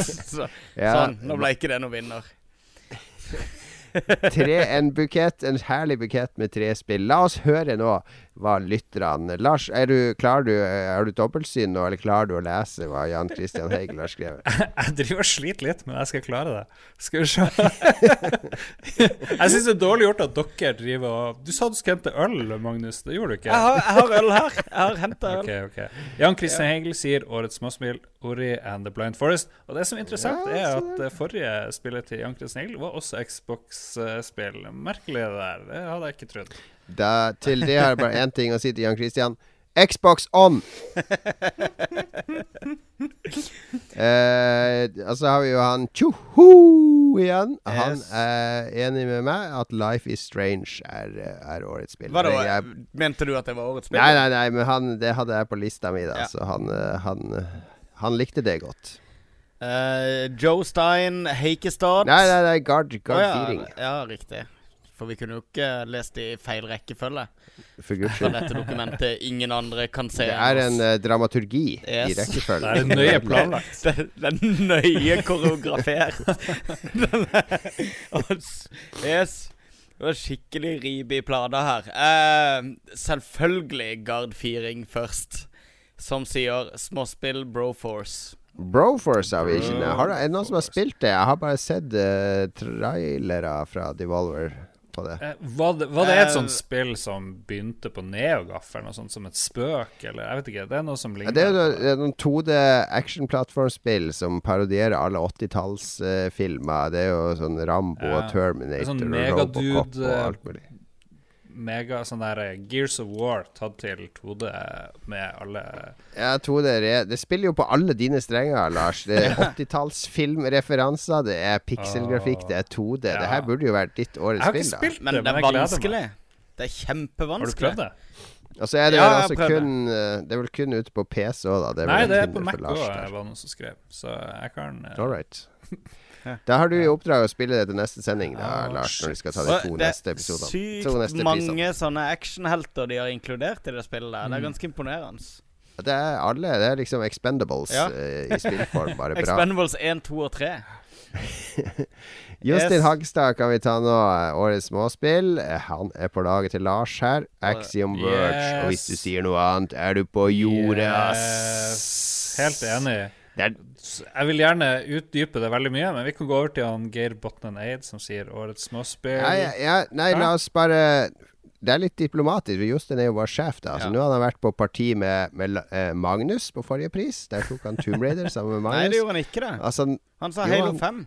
ja, Ja, men det er jo egentlig Ja, ditt lag, Så jeg skjønner ikke hvorfor du ikke nei, spilte det spillet. Xbox-laget. Jeg kalte han gal i hodet for den uh, beslutningen. All right, glem det. Glem det Klipp bort det her. Klipp, klipp. klipp. Nei, det her blir Jeg ikke skjønte, jeg, skjønte, jeg skjønte hvor du var på vei, Jon, og det var en god tanke. Det er sånn som Geir du, Jon Cato, med dialekter. Jeg tar ikke ordre. Skal vi se. Geir Botnen Eidia, årets småspill tror jeg ikke, ikke jeg har spilt noen småspill i år, så det må bli Among the Sleep på PS4. Det er jo et småspill. Ah, brown nose. Det er Hvor mye betalte Det du Geir bra. Botnen Eid for å si det? Ja. Stjerne, stjernelytter, stjernelytter. Kom ut denne uka. Det er jo, vi, er jo ikke, vi får ikke penger fra noen, så vi kan jo si hva vi vil uten å bli anklaga for noe, tror jeg. Så eh, vi må jo kunne reklamere med at Among the Sleep kom til PS4 eh, denne uka. Og jeg spilte det for første gang i mitt liv i dag. Jeg husker jeg var på uh, spill, norske spillprisen, jeg vet faen hva den heter, i fjor med dere to I fjor, ja. mine gode venner. Og eh, Magnus Sleep vant masse. Jeg tenkte det her så ikke jævlig bra ut. Men jeg satt i dag og jeg ble pissredd. Jeg har aldri vært så skremt på, på lange tider. Og jeg er jo litt husredd, det må jo sies. Eh, Og jeg er sikkert litt farga over at det er din kompis, Jon Cato. Men det er verdt å spille Magnus Ja. Jeg skal ikke si at det er verdens beste spill, men det er verdt å spille. Og jeg ble dritredd. For jeg måtte være en toåring som driver og går rundt i et hus hvor det er sånne her mareritting. Jeg syns det der er slemt. Jeg syns det er direkte slemt å lage et sånt spill hvor, uh, hvor du liksom er en unge. Tenk om noen sier 'Å, se et spill hvor du er toåring'. Det her skal jeg la min femåring spille. Og så kommer ungen til å ta livet sitt sånn med en gang han blir klare det, fordi det er så jævlig skummelt. Så Ja, har du tenkt på det, Jon? Har du tenkt på det? Hvilken femåring er det som trakter etter å være to år igjen? Det er jo typisk sånn 40-åring som Lars som trakter etter å være to år. nostalgiske femåringer. Men takk, takk for den gode anmeldelsen, Lars. Jeg skal vippse over litt penger til deg med en gang. Takk, takk. Kontonummeret er 72 bla, bla, bla. Stig Kenneth Limesand, Magnus. Han er fast quizdeltaker. Vi må nesten nevne han, fordi på forrige quiz uh, sa vi jo nå vi alle hadde med seg julegaver. Ja. Og hans team, da, som er Secret Chest, oh. uh, de hadde laga en diger skattkiste i papp, som de hadde fylt opp med spill og, og dill og dall. Ja, det, det, var, det var imponerende innsats. Den skattkista så veldig bra ut. Ja, Stig Kenneth. fant ingen her, sier han. Han hører at Undertale er bra og burde kanskje prøve det. Um, og spør om Journey for PS4 er innafor. Helt innafor. Ja, altså Ja. Er ikke det Det, innafor? det er jo for så vidt Det det. kommer ut i år. For guds skyld Ja. i PS4, i hvert fall. Det gjorde det. Hvis du spilte for første gang i år, og det var liksom årets uh, favorittspill, så, så Jeg har ikke nevnt Undertale Ja, heller innenfor. før, og det ser jo veldig kult ut. Det må jeg si. Jeg prøvde litt. Det har jeg bare så vidt prøvd, men min, eh, min sønn eh, på 14, Thomas, han har spilt det en del. Det er Utrolig sjarmerende. Jeg har sett på når han har spilt det litt. Veldig, veldig morsomt spill. Du har, det? det? er litt morsomt, fordi måten du er i kamp på, er at du har et hjerte i en liten rute, og så kommer det angrep på hjertet ditt i ulike mønster, og så må du prøve å styre det med piltaster, i hvert fall når jeg spiller det, og liksom unngå det. Og så skal du så oppfordrer spillet deg ikke til å slåss, men til å løse Ja. konflikter er- med dialog. De som ikke Ja. De som ikke vet hva det er, det er sånn JRPG som ligner veldig på uh, litt, litt på Earthbound i uttrykket eller eh, i stemninga. Litt sånn absurd, surrealistisk. Men eh, alle kampene med monster, så kan du en, Du kan enten bekjempe de, eller så kan du prøve å få de Eller gi de det du vil ha. Og ofte vil de bli venner eller likt og sånn. Det er mye Det det er også sånn enmannsspill som er laga av én kar, hele spillet. Ja. Men veldig, veldig eh, sjarmerende og morsomt. Ja, veldig. Det er det er, liksom, det er sånn puzzle-aktig. Det er ikke så mye Det er ikke sånn Earthbound at du har ulike byer du drar hit og dit. Det er mer som en svær dungeon. Litt sånn der eh, Isaac The Binding of Isaac kombinert med Earthbound, kombinert med et eller annet weird. Mm. Ja. Dette er PC Steam, Steam, ja. Steam. Mm. Stian Joakim Olsen, årets småspill. Lara Croft Go. Uh. Ja, på mobil. Ja, det er veldig bra spill. Jeg Det er, det er spilt på toget Ja, det har jeg hørt Veldig, veldig mye bra om. spill. Er det det Ja, Endless. Runner-spillet? Eller er Nei. det Nei. Nei, det er, eh, det puzzlespill da, der du kan bevege Lara Croft mellom ulike punkter på et brett. OK. Og hver gang du beveger henne, så beveger også fiendene Du, du seg. kan si at det er kan liksom turn-based, beregne egentlig, nesten. Ja, det er litt sånn turn-based eh, eh, puzzle strategy. Så det, hun kan klatre, og hun kan skyte fiender hvis hun kommer bakfra f på fiendene. Så, så sti stikker hun de, eller skyter de. Og så er det felle og alt mulig sånn. Så det er masse masse sånne små brett. Ikke sant? Eh, Du må klare brettet, så kommer du til nye. Et sånn overhengende kart. Men veldig, veldig bra. Jeg syns Square Enix er kjempeflinke til å lage sånne mobilversjoner Ja, av da de store franchisene. Hitman-spillet også var ganske bra. Hitman òg fungerte superbra, men eh, Lara Croft Go det er briljant. Kjempebra design og, og, og spillmessig. Mm. Vet du hva, det fins faktisk til Windows Phone også, ser jeg nå. Som er, My god.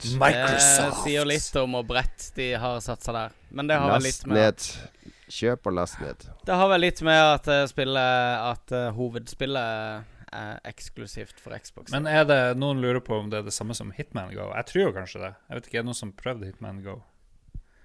Ja, Hitman Go har jeg prøvd litt. Det er sånn snipespill Uh, eh, som funker også veldig bra, fordi du spaner og overvåker. Og det er bra stemning. De har liksom bare tatt den snipedelen av Hitman og fokusert på det.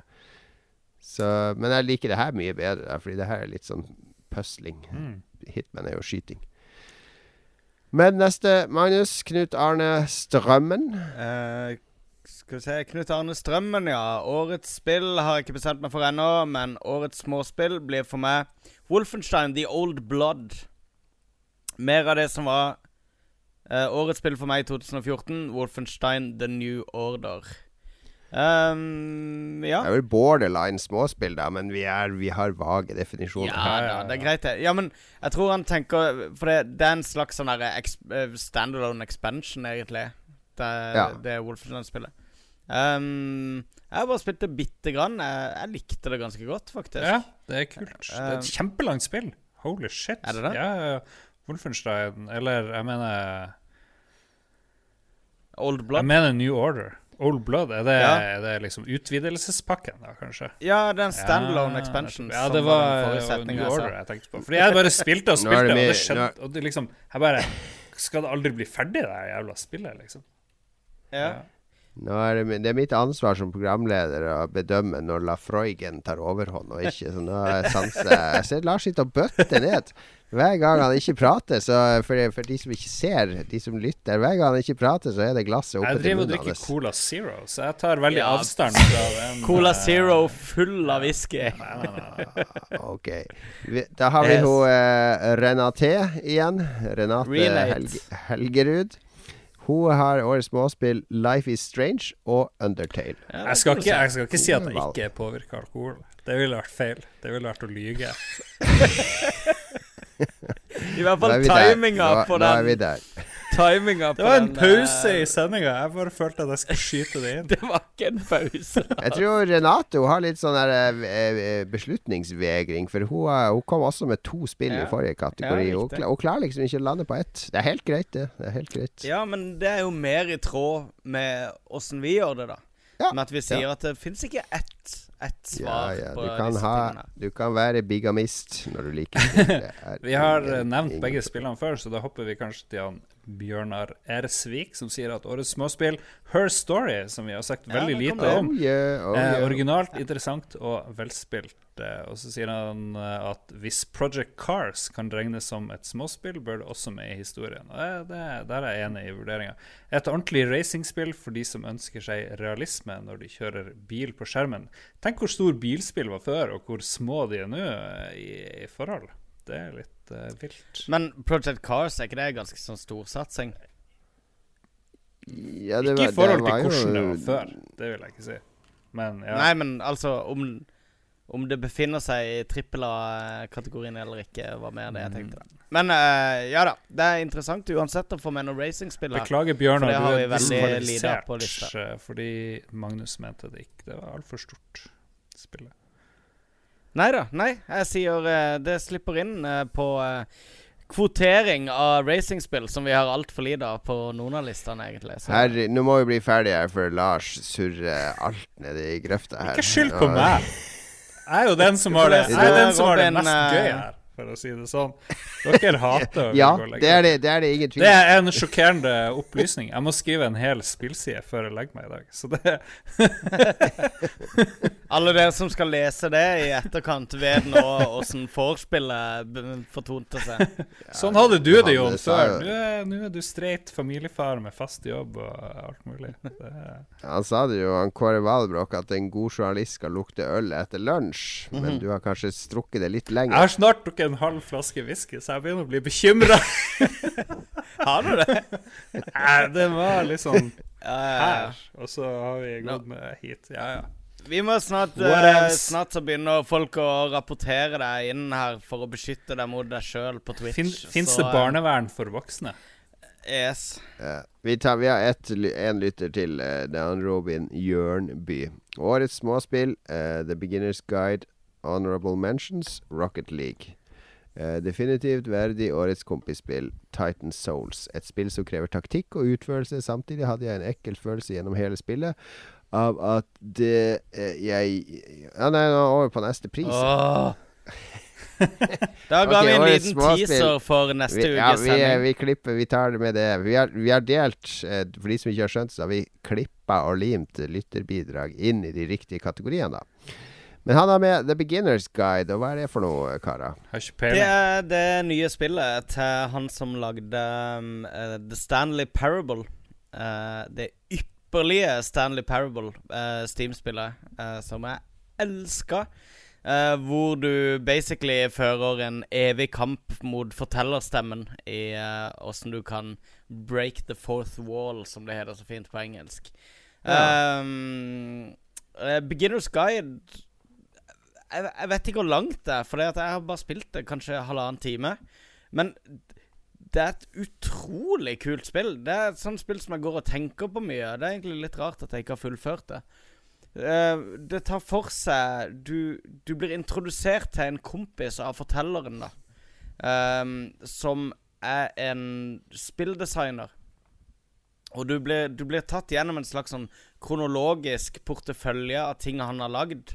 Hvor fortellerstemmen bidrar med tolkninger av disse, disse tingene han har lagd. Så det begynner med sånne der, veldig sånn kleine Half-Life uh, Nei, CS-mods og sånne ting som det der.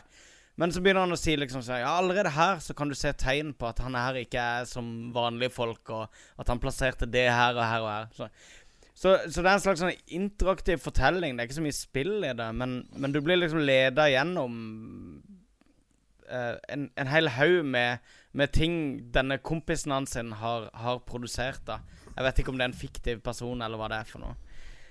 Det er i hvert fall en, en veldig sånn rar reise der det, du liksom Du får muligheten til å reise inn i sinnet til en kunstner, på en måte, og få forklart litt på veien hva du skal eh, eh, Hva som kan ligge bak det. Det er et veldig rart spill. Det er liksom sånn spill i anførselstegn. Høres ut Ja. som et genialt spill for en som henger sånn her uh, surdeig, eller hva det enn du drev og hengte opp i. Eller, Ja, du, du henger ikke opp surdeig, Lars. hva var det du hengte opp for noe? Og, og med det så tror jeg vi slutter. Men ja, vi kan ta med Fordi jeg Hva er det for en følte kommentar? den, den kategorien her, eh, årets småspill, den sleit jeg litt med. Og det er ikke fordi det er fordi jeg har glemt mange småspill. Det er mange småspill jeg er veldig glad i, men, men, men det var morsomt at vi fikk med eh, det spillet på slutten. Fordi han William Pugh, eh, altså han, han bak Stanley Parable, han kom også nå nettopp, faktisk forrige uke, eh, med et spill som han har directa, som er laga av Crows, Crows, Crows, som heter Dr. Langesco, The Tiger and the Terribly Cursed Emerald. Som er et gratis spill på Steam, og det tar 15 minutter å spille, og så er det ferdig. Som er bare Alle sier 'det må du spille'. Det har bare fått utelukkende positive innrømmelser. Det er et spill eh, jeg kan lese Vi kan avslutte med beskrivelsen her på, på, på Steam. A 15 minute heist game by Crows, Crows, Crows and directed by William Pugh of the Stanley Parable. Slip into the soft soled shoes of the mastermind responsible for the greatest heist. Oh god, I can't do this anymore. I'm joining the strike. Good luck writing the Steam description. Det er Steam- Steam-beskrivelsen til spillet.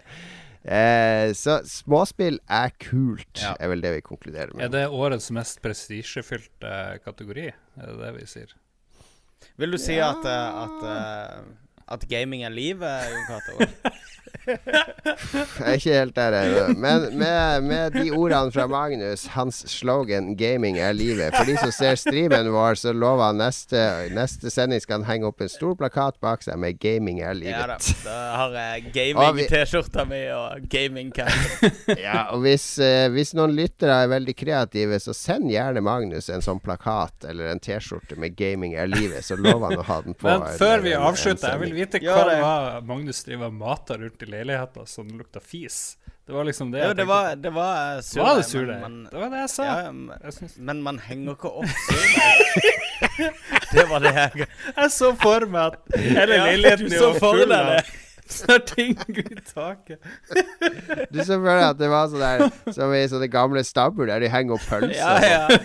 Nei, han så for seg sånn der eh, fisketørking, selvfølgelig, fra Ja. nordlendingen.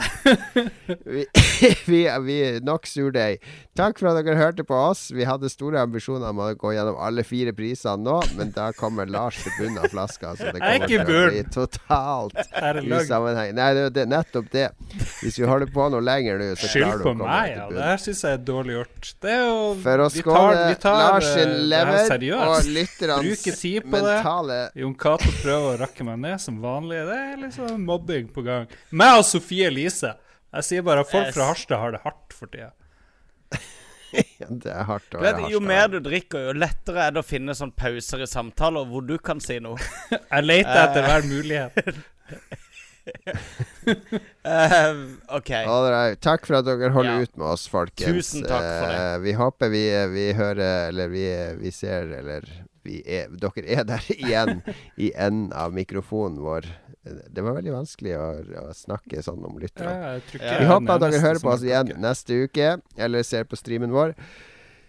Følg oss på Facebook, Lolbua, Twitter, Lolbua, eh, og selvfølgelig lolbua.no, der vi har vår fantastiske julekalender med nye overraskelser bak luken hver dag. Vi er ikke sånn som alle andre som gir bort premier og sånn dill hver dag. Vi gir bort eh, Vi lager ting og gir til dere.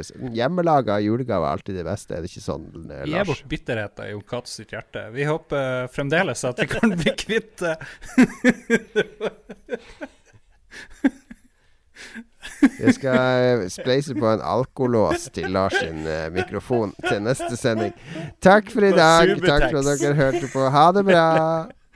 Ha det!